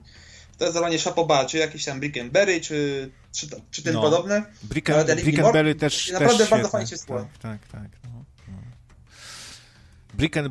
Bo tak jak też świetnie tam, wiele takich produkcji właśnie kulało z powodu tego, y, że miało słaby polski dubbing albo coś w tym stylu. To akurat jeśli chodzi Netflix naprawdę daje radę pod tym względem, że naprawdę po prostu naprawdę nie, nie przejmuje się tym polskim dubbingiem. A dubbing jednak jest ważny w filmach animowanych bardzo, no bo mamy mniej do podziwiania, jeśli chodzi o grę aktorską, bo nie mamy żywych aktorów, ale możemy się zachwycić właśnie głosami, sposobem, jak mówią bohaterowie. W Riku i Mortim zrobiono ciekawy zabieg, ponieważ to o tym wspominałem, ale powtórzę, ak ci aktorzy głosowi dostają tylko taką ogólną wskazówkę, o czym ma powiedzieć bohater, i mówią to po prostu jak chcą, improwizują. I stąd dialogi są bardzo naturalne. Pewnie to straciło, y, y, pewnie nie czuć tego tak bardzo w polskim dubbingu, gdzie być może już dostają po prostu e, aktorzy e, skrypt, ale w oryginale jest to w tym bardzo dużo improwizacji, dzięki czemu dialogi brzmią bardzo naturalnie, jest dużo potocznej mowy, więc jest ciekawy zabieg po prostu, nie? Ale nie, znaczy to też teksty są też bardzo fajnie napisane, bo yy, tak, bo jak rozpocząłeś ten cały ten temat i, i w ogóle, bo nie wiedziałem wcześniej jaki to będzie temat, to właśnie chciałbym wspomnieć, chciałbym tak bardziej podrążyć jedną z właśnie animację, która nawet też jest na stronie głównej, znaczy, znaczy no jest wyświetlana przez ciebie. I chciałem właśnie poopowiadać o Bojacku Horsemanie, o serialu Bojack Horseman, który jest dla mnie jeden z ciekawszych jak dla mnie to jest number one, jeśli chodzi o animację dla dorosłych. No, wielu ludzi ceni. Już dzisiaj gadaliśmy trochę o tym serialu, ale może coś jeszcze dodasz. Znaczy nie, nie, po prostu kwestia jest tego, że może, może minąłem tą kwestię właśnie, jak gadaliście o tym, bo wcześniej po prostu musiałem wtedy wyjść na chwilę i właśnie nie słuchałem, co było, o czym było wspomniane i tak dalej, więc nie wiem, czy nie będę się powtarzał, czy coś nowego powiem. Czy, to może, czy to tak może tak. zróbmy tak, to powiedz może po prostu, za co cenisz ten serial najbardziej, co spodobało ci się w nim i dlaczego uważasz, że on jest tak wartościowy, może w ten sposób. Nie wiem, no dla mnie to jest, znaczy, znaczy, twór, znaczy wiem, znaczy dla mnie to jest kawał fajnego dramatu po prostu, to sama historia opowiedziana w tym serialu jest dość bardzo oryginalna i właśnie że właśnie e, sam serial, e, że osoby, które stworzyły, znaczy e, cały core tego serialu składa się z dwóch ludzi, czyli tam animatorki, która specjalnie dla tego serialu nauczyła się anim, animować i tak dalej, i reżysera, który tam miarę tam ogarnia tą fabułę i tak dalej tam. No i właśnie te dwie osoby jakoś fajnie tak się połączyły się i, i ten serial naprawdę wyszedł super, jeżeli chodzi o fabułę i o animację. Niektórzy twierdzą, że on jest po prostu taki słodko-gorzki, e, trochę jak Futurama być może, że to nie jest tylko beka i robienie sobie jajec, jak właśnie wspomniane nie, to jest naprawdę kawał, kawał, kawał, kawał dramatu po prostu, to jest no... No, tylko że jest coś więcej i można się też, e, nie wiem, no jeszcze się w to tak bardzo nie wkręciłem, ale domyślam się, że są pewnie chwile, kiedy jest tak e, i śmieszno i straszno i można łezkę uronić i tak się mm, zastanowić, że, że, że to właściwie takie, taka smutna trochę historia. Pomimo, że serial komediowy, ja lubię w ogóle takie komedie, które mają domieszkę tego czegoś, co sprawia, że możemy się zadumać przez moment. Że tam jest dość sporo momentów, gdzie można się zadumać przez moment. Co jest naprawdę.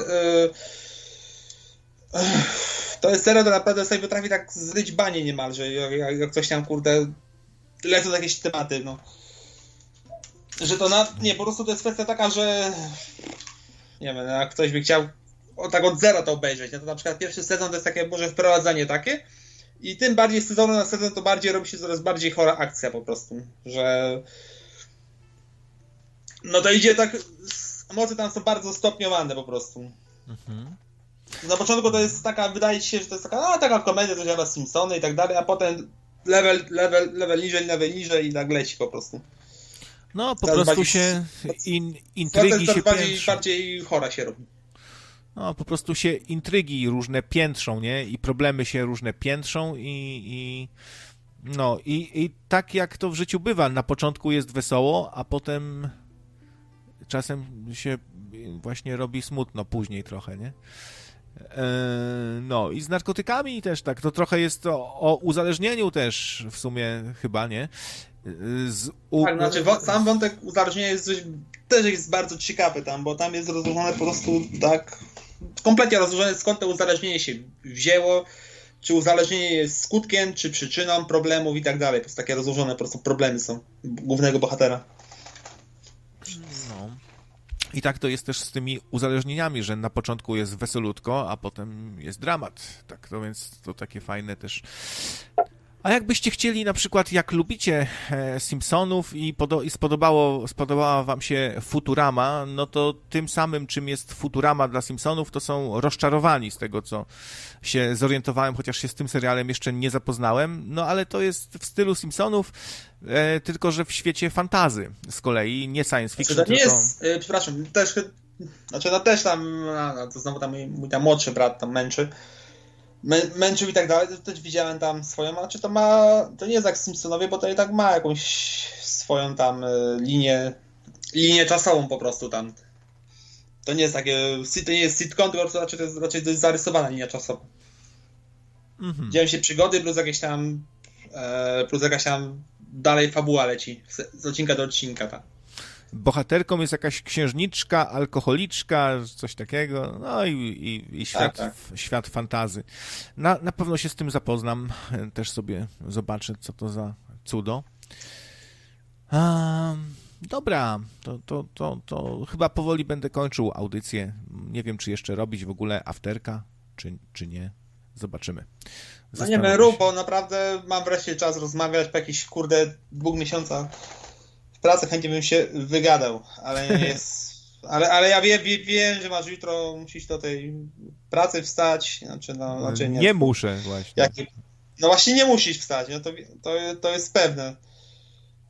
Bo niestety jestem bardzo skrzywdzony przez to radio, bo to jest twoje radio, bo zwykle w pracy mam taką dość sobie monotonną pracę i tak dalej, więc wysłucham sobie tych waszych dram i tak dalej, więc mam już po prostu trochę zrytą banie, więc no. Bo nie miałem też okazji jakoś obcować z ludźmi, tylko praca, praca i słuchanie radia, więc no, naprawdę jestem zryty przez te wasze dramy ostatnie i w ogóle. No, co, tak troszeczkę uzależnia słuchanie radyjka, nie? Co? Tak, znaczy to, problem jest taki, że Że nie ma że czego ma słuchać. naprawdę- że nie ma co słuchać, rob, rob, rob, rob, rob, robisz jakieś, jakieś tam rzeczy i musisz tam za, za, zapełnić tą pustkę i tak dalej, no. No dobra. To dzięki Gadanie za, za telefon. Do usłyszenia niebawem pewnie na antenie znowu. No super, dobra, no dzięki na razie. No cześć. I jeszcze odbiorę ciąga bolunga.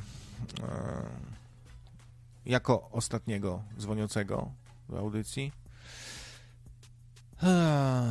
Gdzie ten ciągu? Ciągu, jak słyszysz, to dzwoni, bo nie chce mi się ciebie szukać na liście. Albo dobra, poszukam. O, jest. No witam, witam. Cześć, no, cześć. Sam zadzwoniłem. E, Ty się zawsze musisz na początku zaśmiać. no, Twój znak tak rozpoznawczy. Ze, ze zdenerwowania troszeczkę. Znak rozpoznawczy. Zawsze na dzień dobry. No, wesoły chłopak, no się śmieje dużo. Na dzień dobry. No, tak, tak tylko, tylko głosowo, bo jak ktoś ze mną pisze czy coś, to zawsze wychodzę na takiego e, poważnego smarklocka po prostu.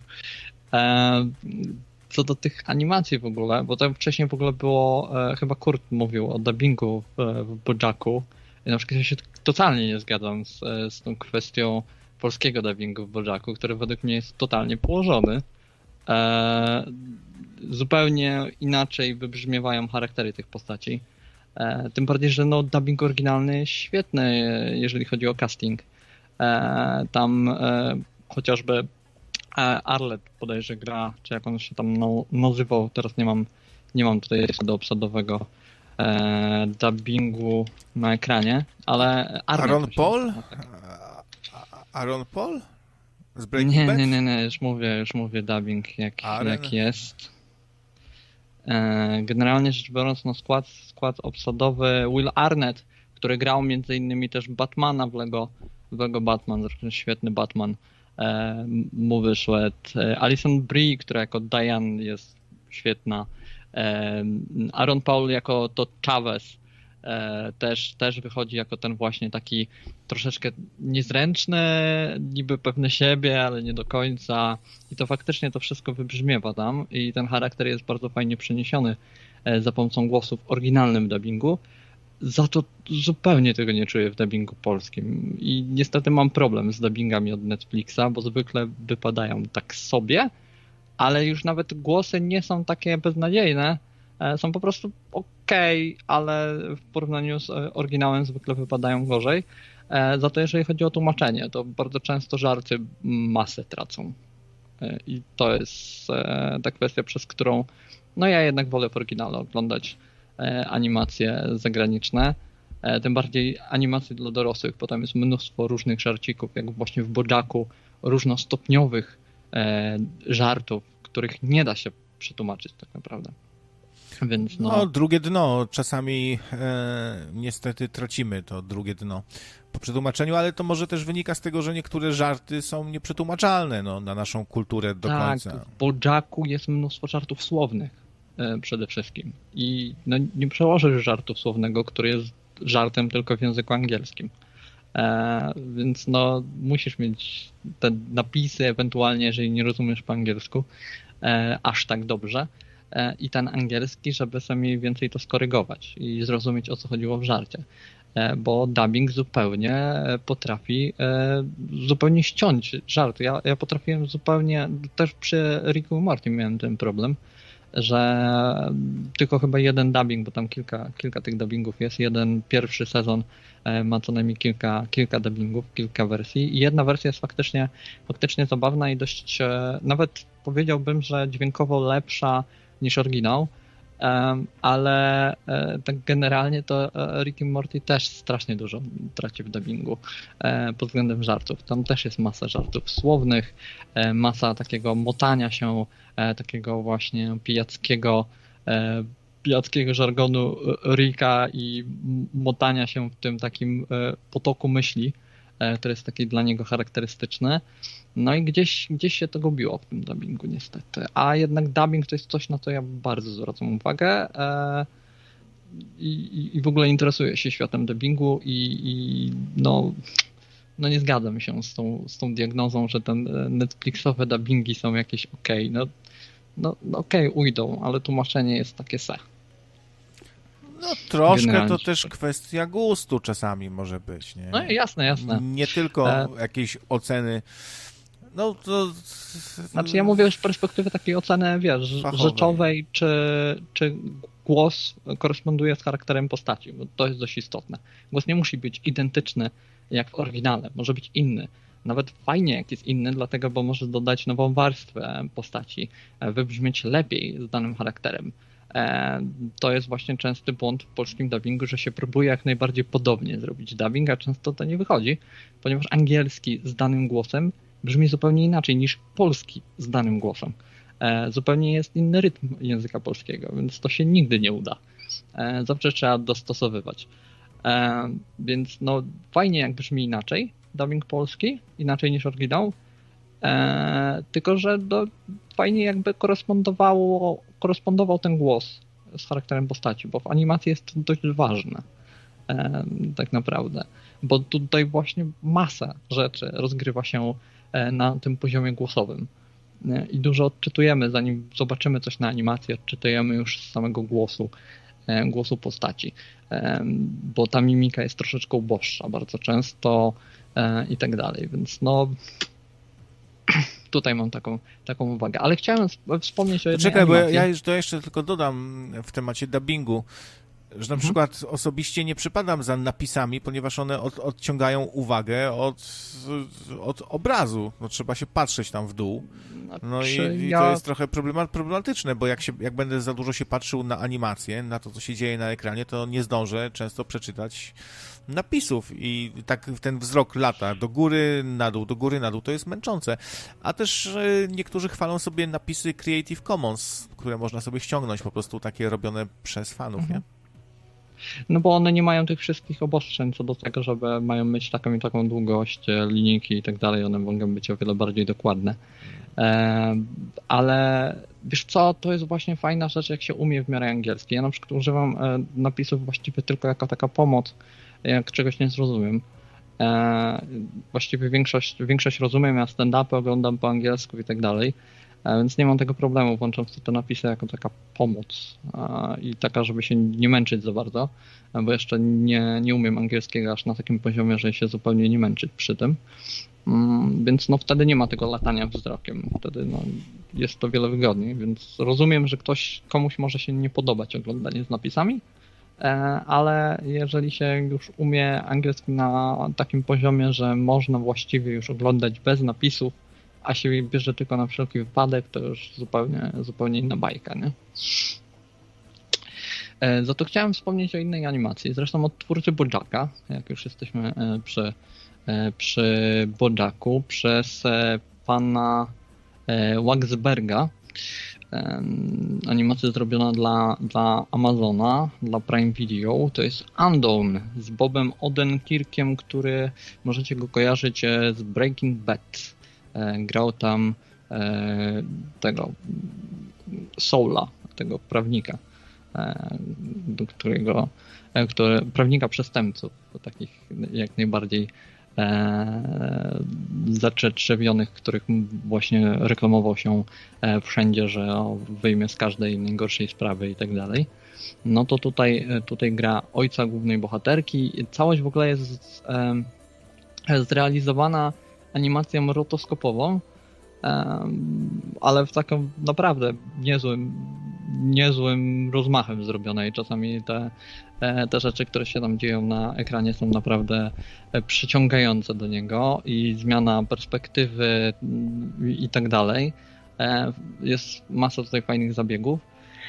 Szkoda, że niestety no, scenariuszowo wyszło trochę tak se, ale generalnie chodzi o to, że bohaterka dowiaduje się po wypadku E, samochodowym swoim, e, no odkrywa, że może wpływać na bieg czasu, niejako i mówi to jej e, i zmarły ojciec, który się nagle objawia. No i z tego jest to cała fabuła i całość przypomina troszeczkę efekt motyla. Tak mogę to opisać. No właśnie, nie wiem, czy to jest na pewno rotoscoping, bo nie widzę jest. tego w ruchu tak?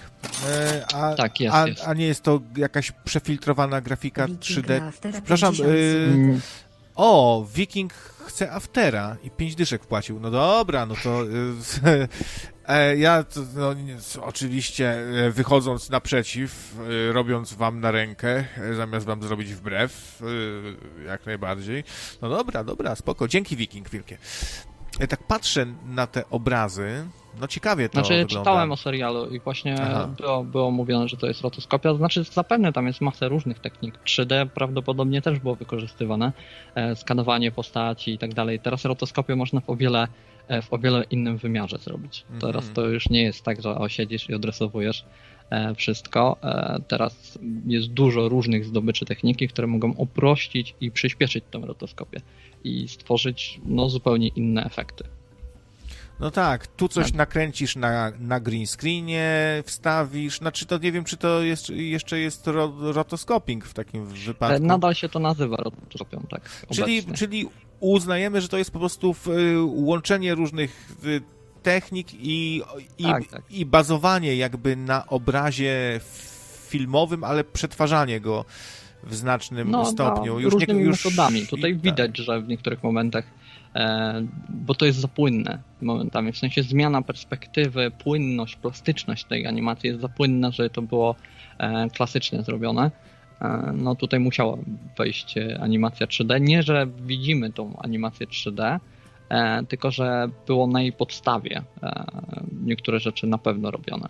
No, nie uwierzę, że niektóre z tych fragmentów tejże animacji, niektóre z rzeczy, które tutaj przedstawiono, właśnie tej zmiany perspektywy, zmiany kształtu różnych rzeczy i tak dalej, że, że zrobiono to normalnie rotoskopią, nawet z jakimiś tam nowocześniejszymi metodami. No tutaj, tutaj musiały wejść e, właśnie jakieś 3D rzeczy i tym podobne kwestie, może jakieś skanowanie i tak dalej. Nie? E, macie na ekranie próbkę, którą mi się tu udało na szybko wstawić. No ciekawy, ciekawy efekt. Ja myślę, że, że tu bardzo dużo jest filtrowania też, używania filtrów mm, obrazu, które sprawiają, że to wygląda tak bardziej, bardziej plastycznie, malarsko. E, dużo green screena, tła są nakładane. W, troszkę podobnie być może był robiony Walking Live. To też jest zdecydowanie animacja, no taka y, bardziej jeszcze eksperymentalna. E, ciekawą techniką e, zrobione, bo tam, tam to w ogóle jest łączenie przeróżnych technik. E, jeszcze może wam e, zaraz wkleję, a co to się tu stało się. O, dobra, jeszcze jeszcze wam jeden obrazek pokażę. Proszę bardzo. No, fajnie wygląda, tak w ciekawy sposób wycieniowane jakby. To muszą odpowiednio światło, przypuszczam, ustawiać i mieć dobrych tam oświetleniowców, którzy zadbają o to, żeby to ostateczny efekt był właśnie taki. Fajnie, fajnie, muszę to koniecznie zobaczyć. Tylko, no mówię, uprzedzam, no fabuła to jest coś, co już widzieliśmy milion razy, już na pewno jak się widziało efekt motyla, to się za dużo tutaj e, nowych rzeczy nie zobaczy, ale fajny eksperyment. E, jeżeli chodzi o formę animacyjną, to jest absolutnie świetne. Jeżeli chodzi o scenariusz, to już niekoniecznie, no ale no nie można mieć wszystkiego. No.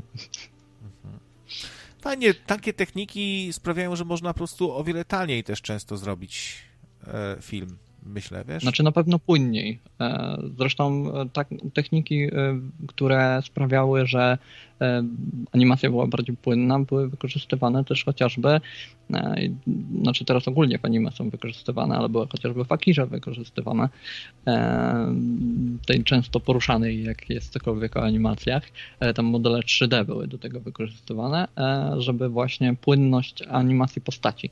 Nie, że wrzucane były modele 3D do samej animacji, ale na podstawie, na nich były rysowane niejako animacje, nie? Mhm. Więc, e, więc to też jest taka forma sobie troszeczkę mm, właśnie, może nie tyle ułatwienia, co usprawnienia całego procesu e, animacyjnego. Nie?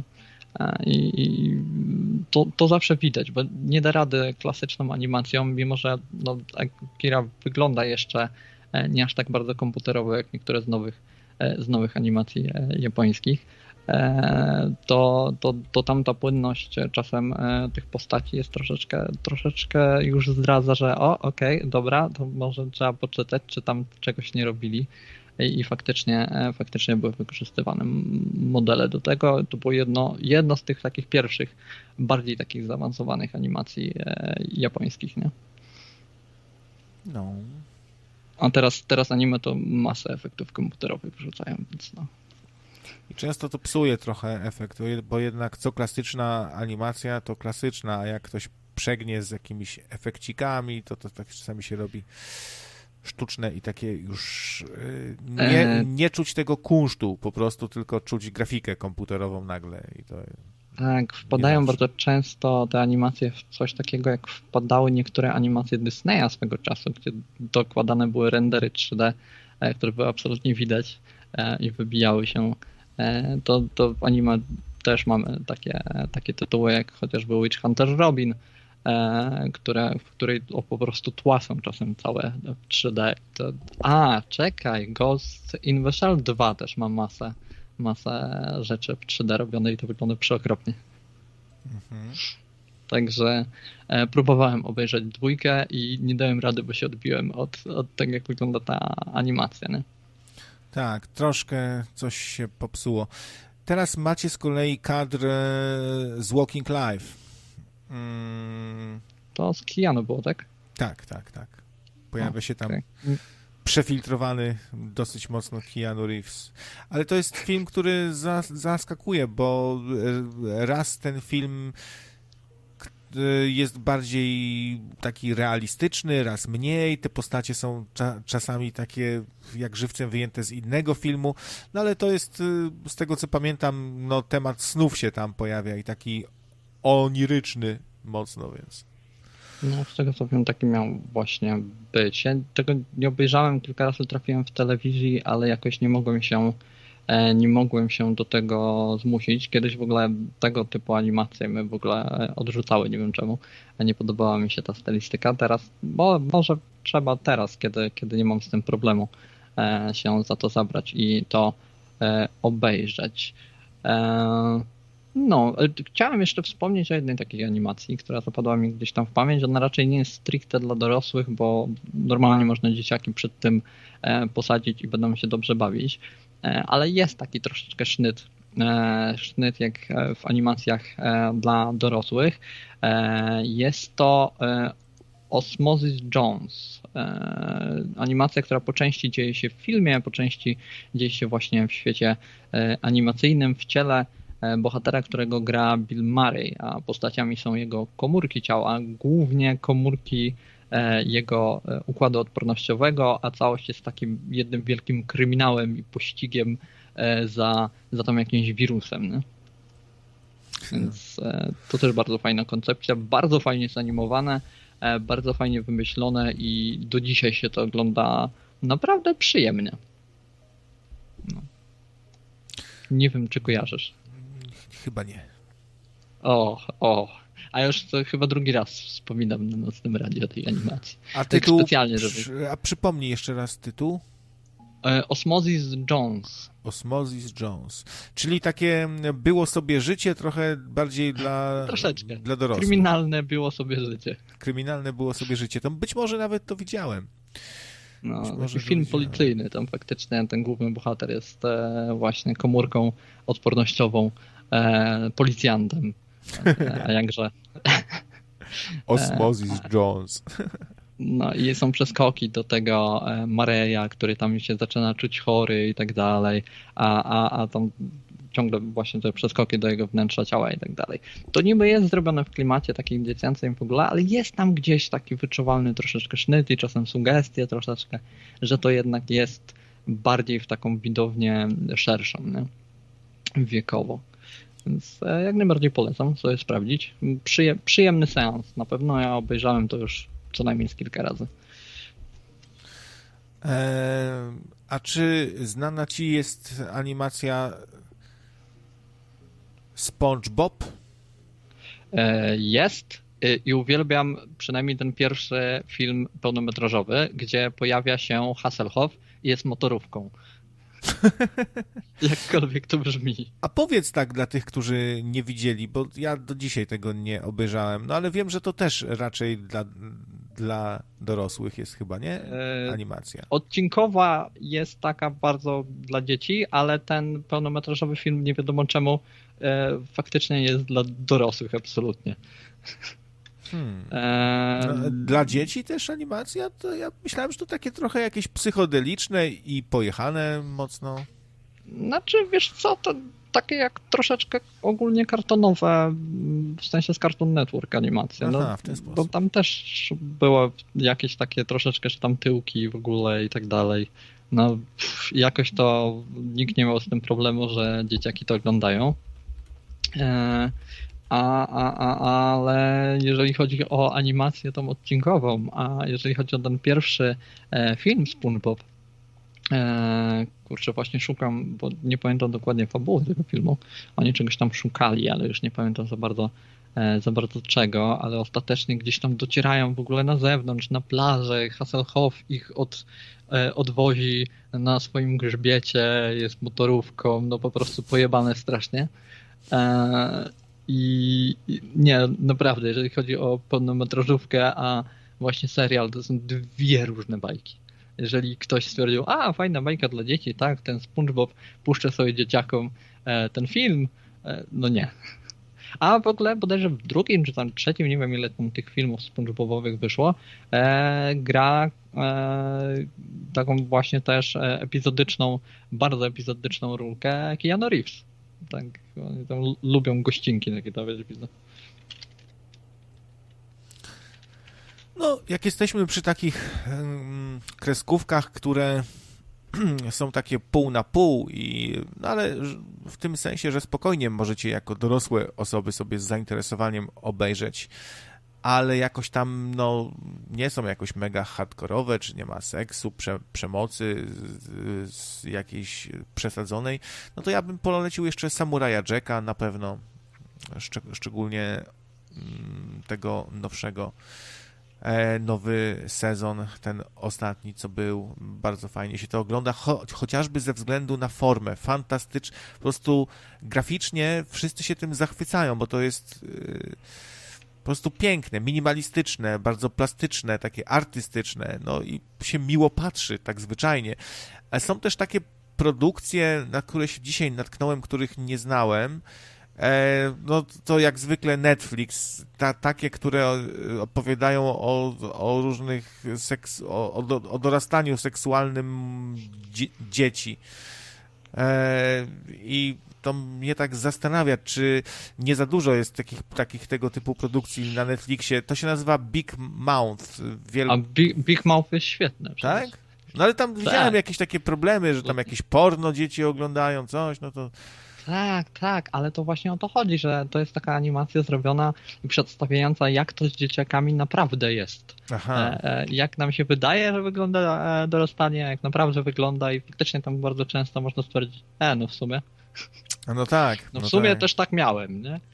I tak dalej. I to jest dużo, dużo takich elementów, dużo takich właśnie przedstawionych strachów związanych z dorastaniem, że i, i tak dalej. E, niewiedzy zupełnej e, o, o, o tym, co się dzieje e, z ciałem, że tam, wiesz, włosy się pojawiają, kiedy się nie pojawiają, to jakiś przestrach i tak dalej i tym podobne rzeczy, nie? Takie, Czyli wiesz, taka trochę rozmiaru... kreskówka, taka kreskówka, która pełni rolę wychowania seksualnego trochę, dla, być może dla E, chociaż to jest to dla rodziców bardziej, mówisz, w sensie takim, że ci rodzice, którzy tak czują, że, że są w tyle i tak już nie nadążają i nie wiedzą, co tam się dzieje, mają jakieś przypuszczenia, mogą sobie tak pooglądać i trochę się oswoić z tymi tematami, coś trochę takiego. tak, myślę, że trochę tak. Czy tak totalnie dla dzieciaków? No nie wiem, to ma chyba tą kategorię 16+.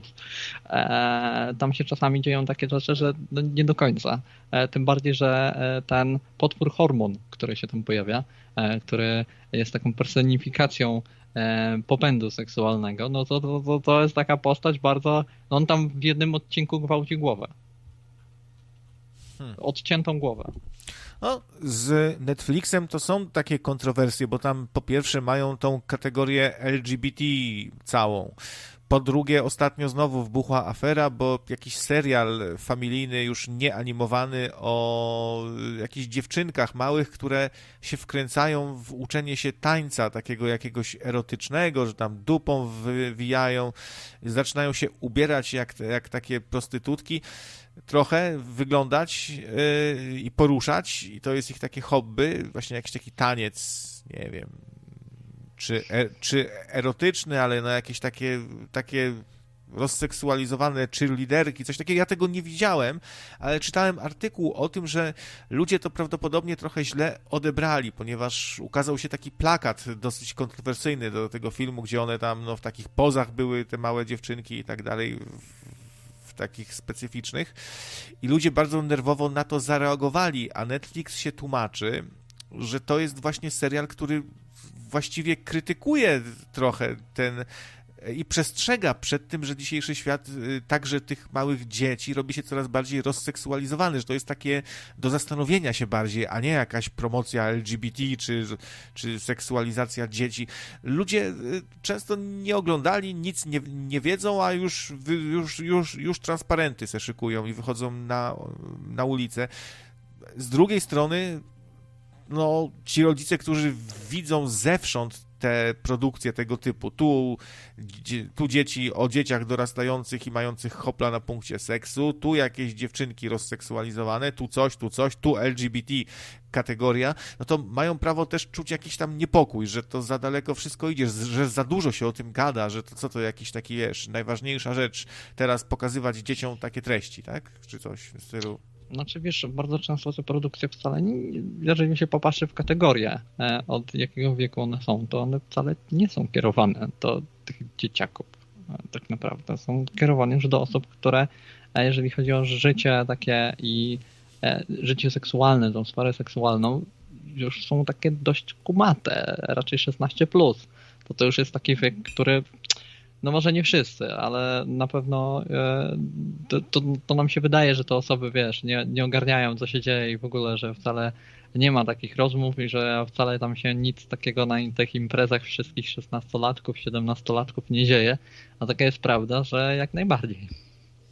A Łukasz się już któryś raz pyta, kiedy będzie śmieszkowanie i, i co tak mało śmieszkowania. No nie ma śmieszkowania, no, bo ciąg Bolonga zadzwoni. Nie no, to, to, to, nocne radio to nie wszystkie audycje są takie, że pajac krawiec wychodzi i pijany gada od rzeczy. To nie wszystkie takie. Są, są też inne audycje, takie trochę mądrzejsze, jak na przykład z prawej strony mapy ostatnio, czy, czy w Nocnym Marku, no to śmieszkujemy, ale też bywa, że poważniejsze tematy, jak potrzeba, ostatnio gadał o różnych cywilizacyjnych e, rzeczach związanych tam z apokalipsą, z zagładą, e, z niebezpieczeństwami. No, no co mamy cały czas tutaj e, robić jakiś patostream? No to bez jaj, no ludzie, no. musicie się pogodzić z tym, że są różne audycje, no. Ty, to, bo ty powinieneś, wiesz, rozśmieszkowywać, e, bo to, to, to wiesz, przy uwaga i w ogóle donate i tak dalej. Nie wiem. Nie, ja się śmieję, no ja zadzwoniłem, to nie będzie śmieszkowania, sorry. Zajdę, to może będzie. A zawsze, ale za to się zawsze śmiejesz na przywitanie, słuchaj tam. No to, to, to żeby, ja, bo ja się śmieję z czegoś poprzedniego. Żeby tak zrekompensować, żeby nie było, że smutas, że coś, to zawsze na początku robisz. Tak. Nie, ktoś mi po prostu opowiada za kadru żart, to wy go nie słyszycie i, i po prostu odbierasz i zostaje ten śmiech. To się po prostu z żartu, to, to, to nieważne. Nie, nie ma co opowiadać tutaj.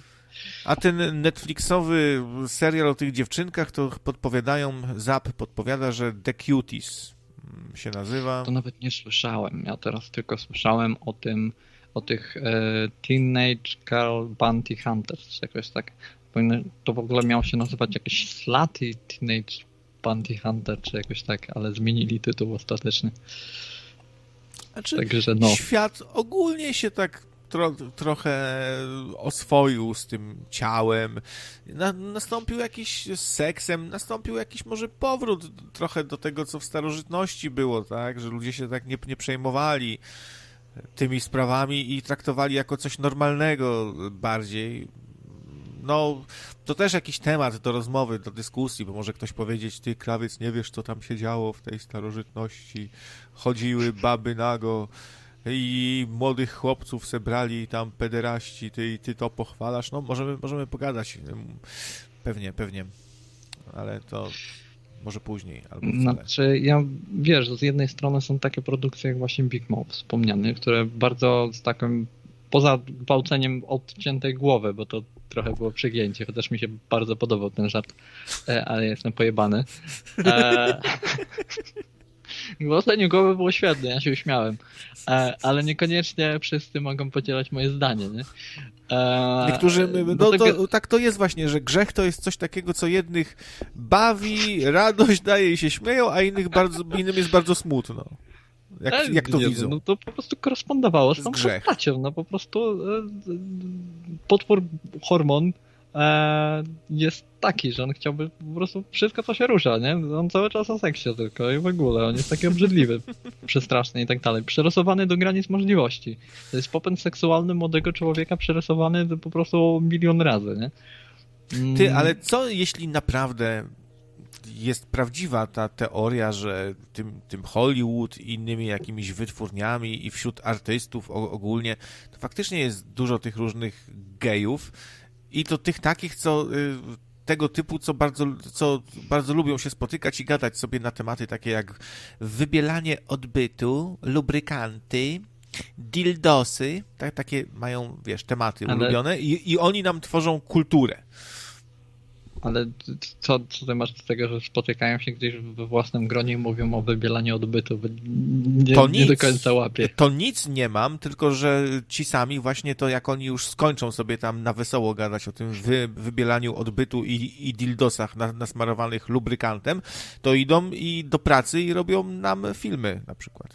Ale to nie musi się wcale przenikać. No, to, że ktoś coś robi w prywatnym życiu, to nie znaczy, że nieprywatnym będzie nam to przenosił na czy to ekran, czy inną sferę życia, zależnie co on sobie tam robi. To nic nie znaczy. Bardzo często oddzielamy te różne nasze świadki i e, zwykle się nie dowiadujemy e, o tym, co ktoś robi. Bardzo często właśnie się strasznie zaskakujemy, gdy się dowiadujemy, co tam w życiu prywatnym słychać niektórych gwiazd, jak to taki pewien czarny pan, o którym nie można teraz za bardzo mówić, był taki fajny i w ogóle jak miał swoje show, e, Bill Cosby. E, no, a w prywatnym życiu no, no różnie bywa. No. Więc to, to się nie przenika według mnie za bardzo i takie stwierdzenie, o, bo oni się tam, wiesz, i tak dalej, o Jezu, o, oni w, w tyłek się wchodzą i tak dalej, co, a oni teraz mają nam filmy robić i będą sprośne rzeczy nam przedstawiać. No to tak nie działa.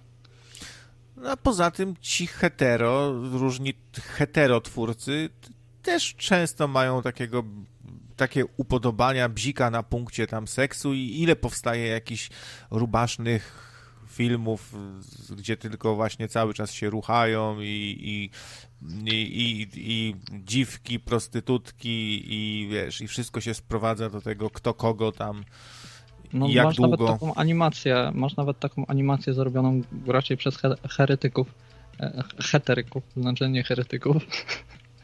E, masz tutaj na, miałeś tutaj na obrazku spoilerowym e, Sausage Party.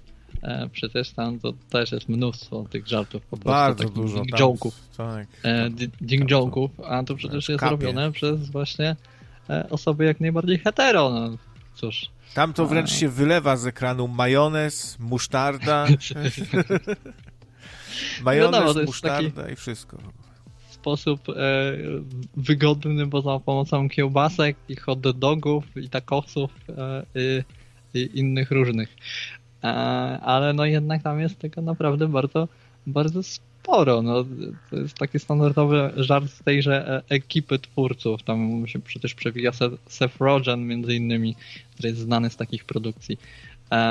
No i tego jest mnóstwo, ale taka jest prawda, że e, zwyczajnie seks jest troszeczkę ważniejszą sferą naszego życia niż nam się wydaje i my faktycznie o nim dość często myślimy. No niektórzy już nie, e, ewentualnie, bo im tam już nic, nic nie wstaje, że tak to ujmę. Ja już ale... nie, ja, ja już nie, synku, ale ty mów, mów. Opowiadaj, ja tylko już słucham. Mów, opowiedz mi coś. No tak. E, i, I to jest e, o wiele ważniejsza e, kwestia naszego życia i tak dużo rzeczy się kręci wokół tego seksu, bo seks tak naprawdę jest bardzo dla nas istotny. No taka jedna z, z, najbardziej fundamentalnych rzeczy. Wbrew temu, co prawicowcy mogą sobie myśleć, to, to, to, to taka fundamentalna w sumie rzecz, jak oddychanie i jedzenie, to seks, no to takie tutaj cele nasze na życiu, na tej planecie. Trochę no to główne. Potrzeba rozmnażanie się. Może nie na równi z jedzeniem e, i tam defekacją i tak dalej, ale tego z, z tej samej sfery e, potrzeb, więc no... Pff cóż, no nie ma co się dziwić, jak w produkcjach umieszczamy jedzenie, e, trochę rzadziej, wiesz, defekacje i, i, i, sikanie i tak dalej, e, trochę częściej żyganie, no to jasne, że też dużo seksu jest, no. To mamy jakiś aspekt życia wycinać z produkcji, bo nie, nie może być, bo e, musimy ukrywać, że robimy tą niecną rzecz, czyli uprawiamy seks. No, a też z, tak tym, z tym zainteresowaniem u takich całkiem małych dzieci, no to znaczy, to jest tak, to, to zainteresowanie się pojawia w naturalny jakby sposób. Ja pamiętam, że za czasów tego PRL-u pieprzonego, gdzie, gdzie w ogóle nie było ani żadnych banerów, reklam, nie było tak, że reklamy nawiązywały do seksu, ciężko było jakiś film znaleźć, o, gdzie był seks, nie było gazet, w kiosku tam schowane jedna, jakiś kec, był, co, co jak, jak poprosiłeś pana ze sklepu, poproszę tam tą gazetę, to cię pogonił kijem, to, to i tak się młodzi interesowali w pewnym wieku, to jakoś naturalnie się, się pojawia, że, się interesowaliśmy, a takie młodsze dzieci, to im to ich to, ich to nie obchodzi za bardzo, ich co innego, je co innego interesuje i to może za bardzo się przejmujemy nie? No trochę, trochę się za bardzo przejmujemy, to jest fakt. To, to ja zawsze się śmieję, że jak ktoś właśnie, czy to tu wcześniej było jakieś animacje, gdzie tam było, że zbytnia seksualność, więc to niekoniecznie dla dzieci, E, a ja tak, tak patrzę na to i trochę się po, podśmiechujkuję, bo takie straszne, o Jezu, cycek widać, o dziecko, nie wiem, co, co mu się stanie przez to. E, traumy dostanie na całe życie, bo cycka zobaczył. Już chyba no. większej traumy dostanie i większy wpływ będzie miało takie wychowywanie e, w duchu militaryzmu, nie? Jakieś kreskówki o żołnierzach, o, o, o wojnach, o strzelaniu się i od małego wtłaczanie do głowy, no to, ale tu z kolei jakiś prawicowiec powie bardzo dobrze, się uczy strzelać z kościół, znaczy- strzelnica, znaczy, ojczyzna i szczęść nawet Boże. Nie trzeba, nawet nie trzeba czegoś takiego wprowadzać, militaryzmu takiego, jak ty mówisz. Tylko samo to, że się wycina pewien świat tym dzieciom, że o tego nie ma. E, absolutnie potem dopiero się o tym dowiadują. No i przez co mnóstwo mitów e, narasta wokół takich kwestii. E, gdzieś tam to jest ten zakazany owoc. Dziecko próbuje na własną rękę się dowiadywać rzeczy. No i potem, no, to nie jest dobra droga, no bo to może potem strasznymi strasznymi konsekwencjami obrodzić, no, jak już to dziecko będzie w wieku prokreacyjnym. No. Ja się tu śmieję, bo tu Zap, ciekawe komentarze daje wcześniej, napisał, czy kupa na klacie to seks? Ja już nic, ja już nie wiem nic. A teraz pisze, cycek, a kiełbasa w nutelli to jednak coś innego. A tu Łukasz pisze, może następnym razem spoiler o filmach XXX. Dobry byłby, no. ale, ale, ale jakich? Takich fabularnych, pełnometrażowych? Trochę tego jest. One mają różne kategorie. E, tu ostatnio ktoś, bodajże nie wiem, czy Grzesiek, czy kto, e, mówił o tej e, wilczycy SS. Nie pamiętam, jak to się dokładnie nazywało. To jest taki troszeczkę exploitation, sexploitation wręcz.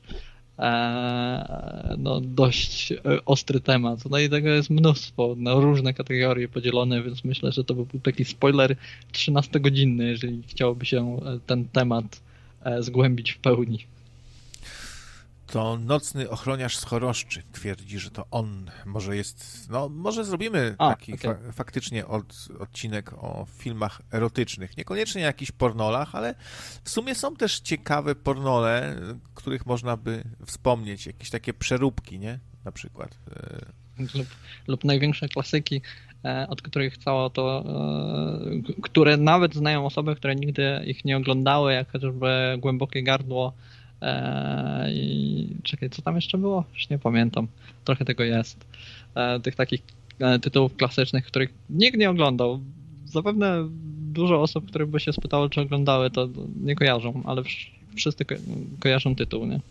Ale też coś takiego jest y, niepokojącego, moim zdaniem, znaczy niepokojącego, no tak do zastanowienia, nie? Że dożyliśmy czasów, gdzie E, są wersje porno właściwie bajek dla dzieci, typu Flintstonowie czy Scooby-Doo, no to masz tam wersję porno. E, bajki, jak, jakby nie było. No jest coś takiego chorego trochę w, w tym, nie? O tak, bajki są często... E, kiedyś zostało wyprodukowane nawet i to to dawno temu, to ja nie pamiętam z jakich to jest lat, musiałbym sprawdzić.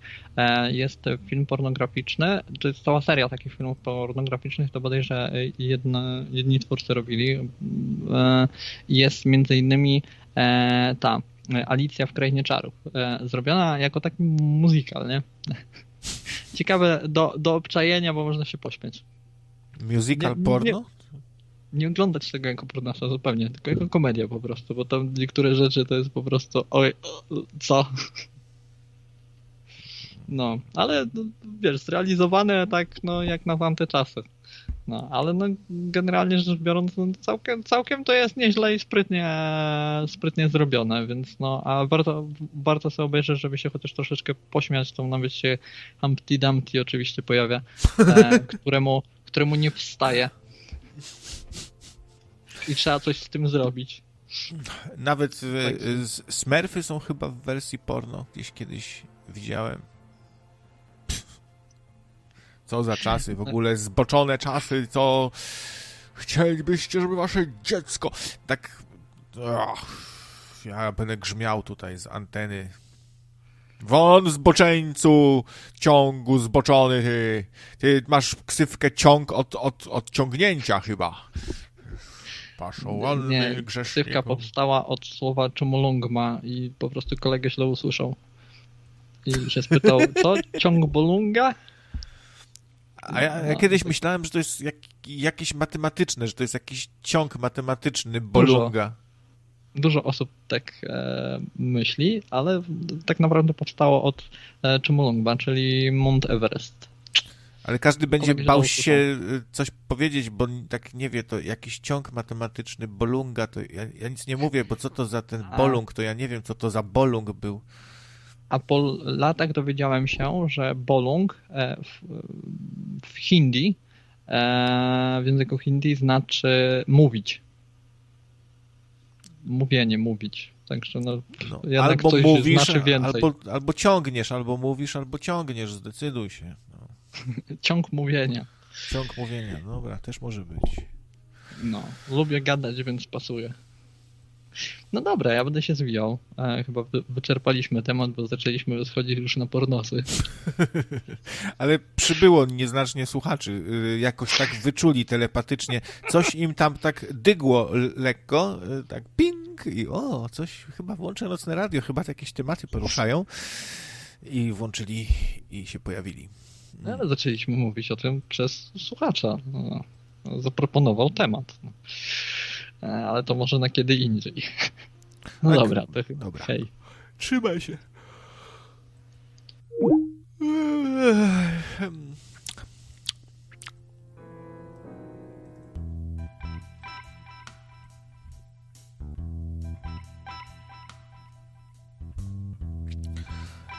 Emanuel tutaj wspomina, Mateusz, Emanuel. No były, była taka seria właśnie erotycznych filmów o Emanuel. Jakaś tam czarna Emanuel, biała, ale ta Emanuel się zmieniała. To w każdym filmie była inna, ta chyba Manu, Manuel. Emanuel. Różne Emanuel były.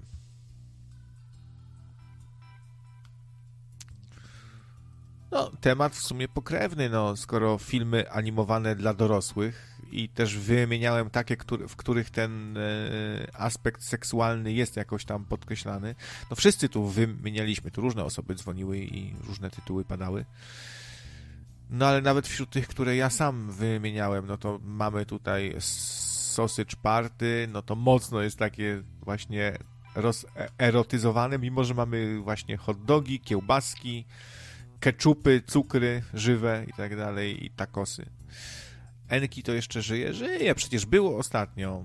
Oskarku, przecież jest cała, raz, że wrócił, a dwa, że ostatnio mieliśmy wspólną audycję tu w Nocnym Radio. Możesz sobie od, odszukać, tam przewinąć kawałek i całą audycję z Enkim siedzimy i sobie żartujemy, gadamy na tematy poważniejsze, zabawniejsze. No, zdaniem wielu bardzo fajnie wyszła audycja.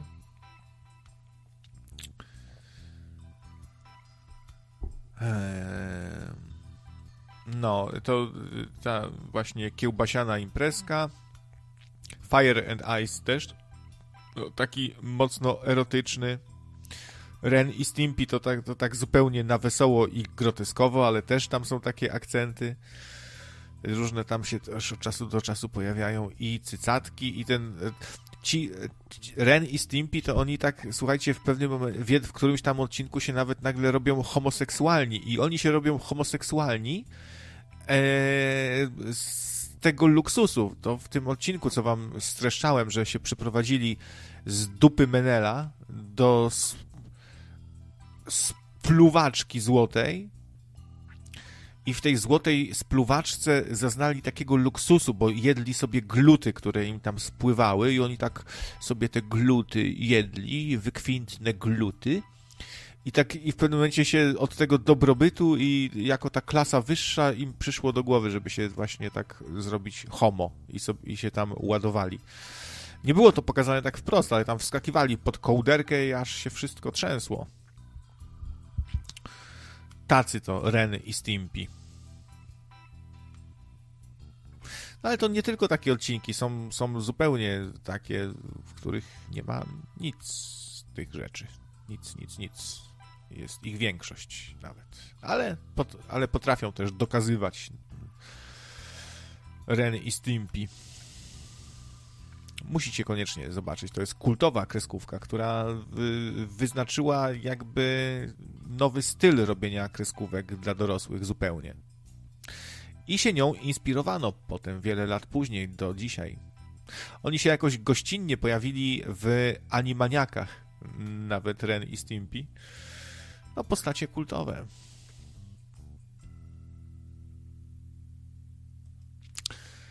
No dobra. No dobra. Ja nie wiem, czy coś jeszcze prowadzić, czy nie. Y, aha, muszę prowadzić, przecież tutaj Viking się domagał i zasponsorował. Dobra, to nie wiem, to chyba zamknę tą audycję. Odczekacie sobie 10 minutek, aż tu zmienię planszę, zmienię nazwę. No i posiedzimy sobie jeszcze z dwie godzinki. Już zupełnie na luzaku, zupełnie inne tematy mogą się pojawić. E, co tam zaproponujecie? Alkoholu niestety dzisiaj nie piję, więc może nie będzie tak wesołkowaty krawiec. Ja nie, nie, nie mogę tak cały czas pić, bo, bo się rozpiję po prostu. To, mu, to musi być od czasu do czasu tylko. Więc mam nadzieję, że mi wybaczycie, że jestem dzisiaj trzeźwy i że będę dalej trzeźwy. Wiem, że niektórych to zasmuci. No dobra, to kończymy spoilera. Dzisiaj było o filmach animowanych dla dorosłych. A już za moment afterek dla nocnych marków. No to tyle. To trzymajcie się. Do usłyszenia za moment.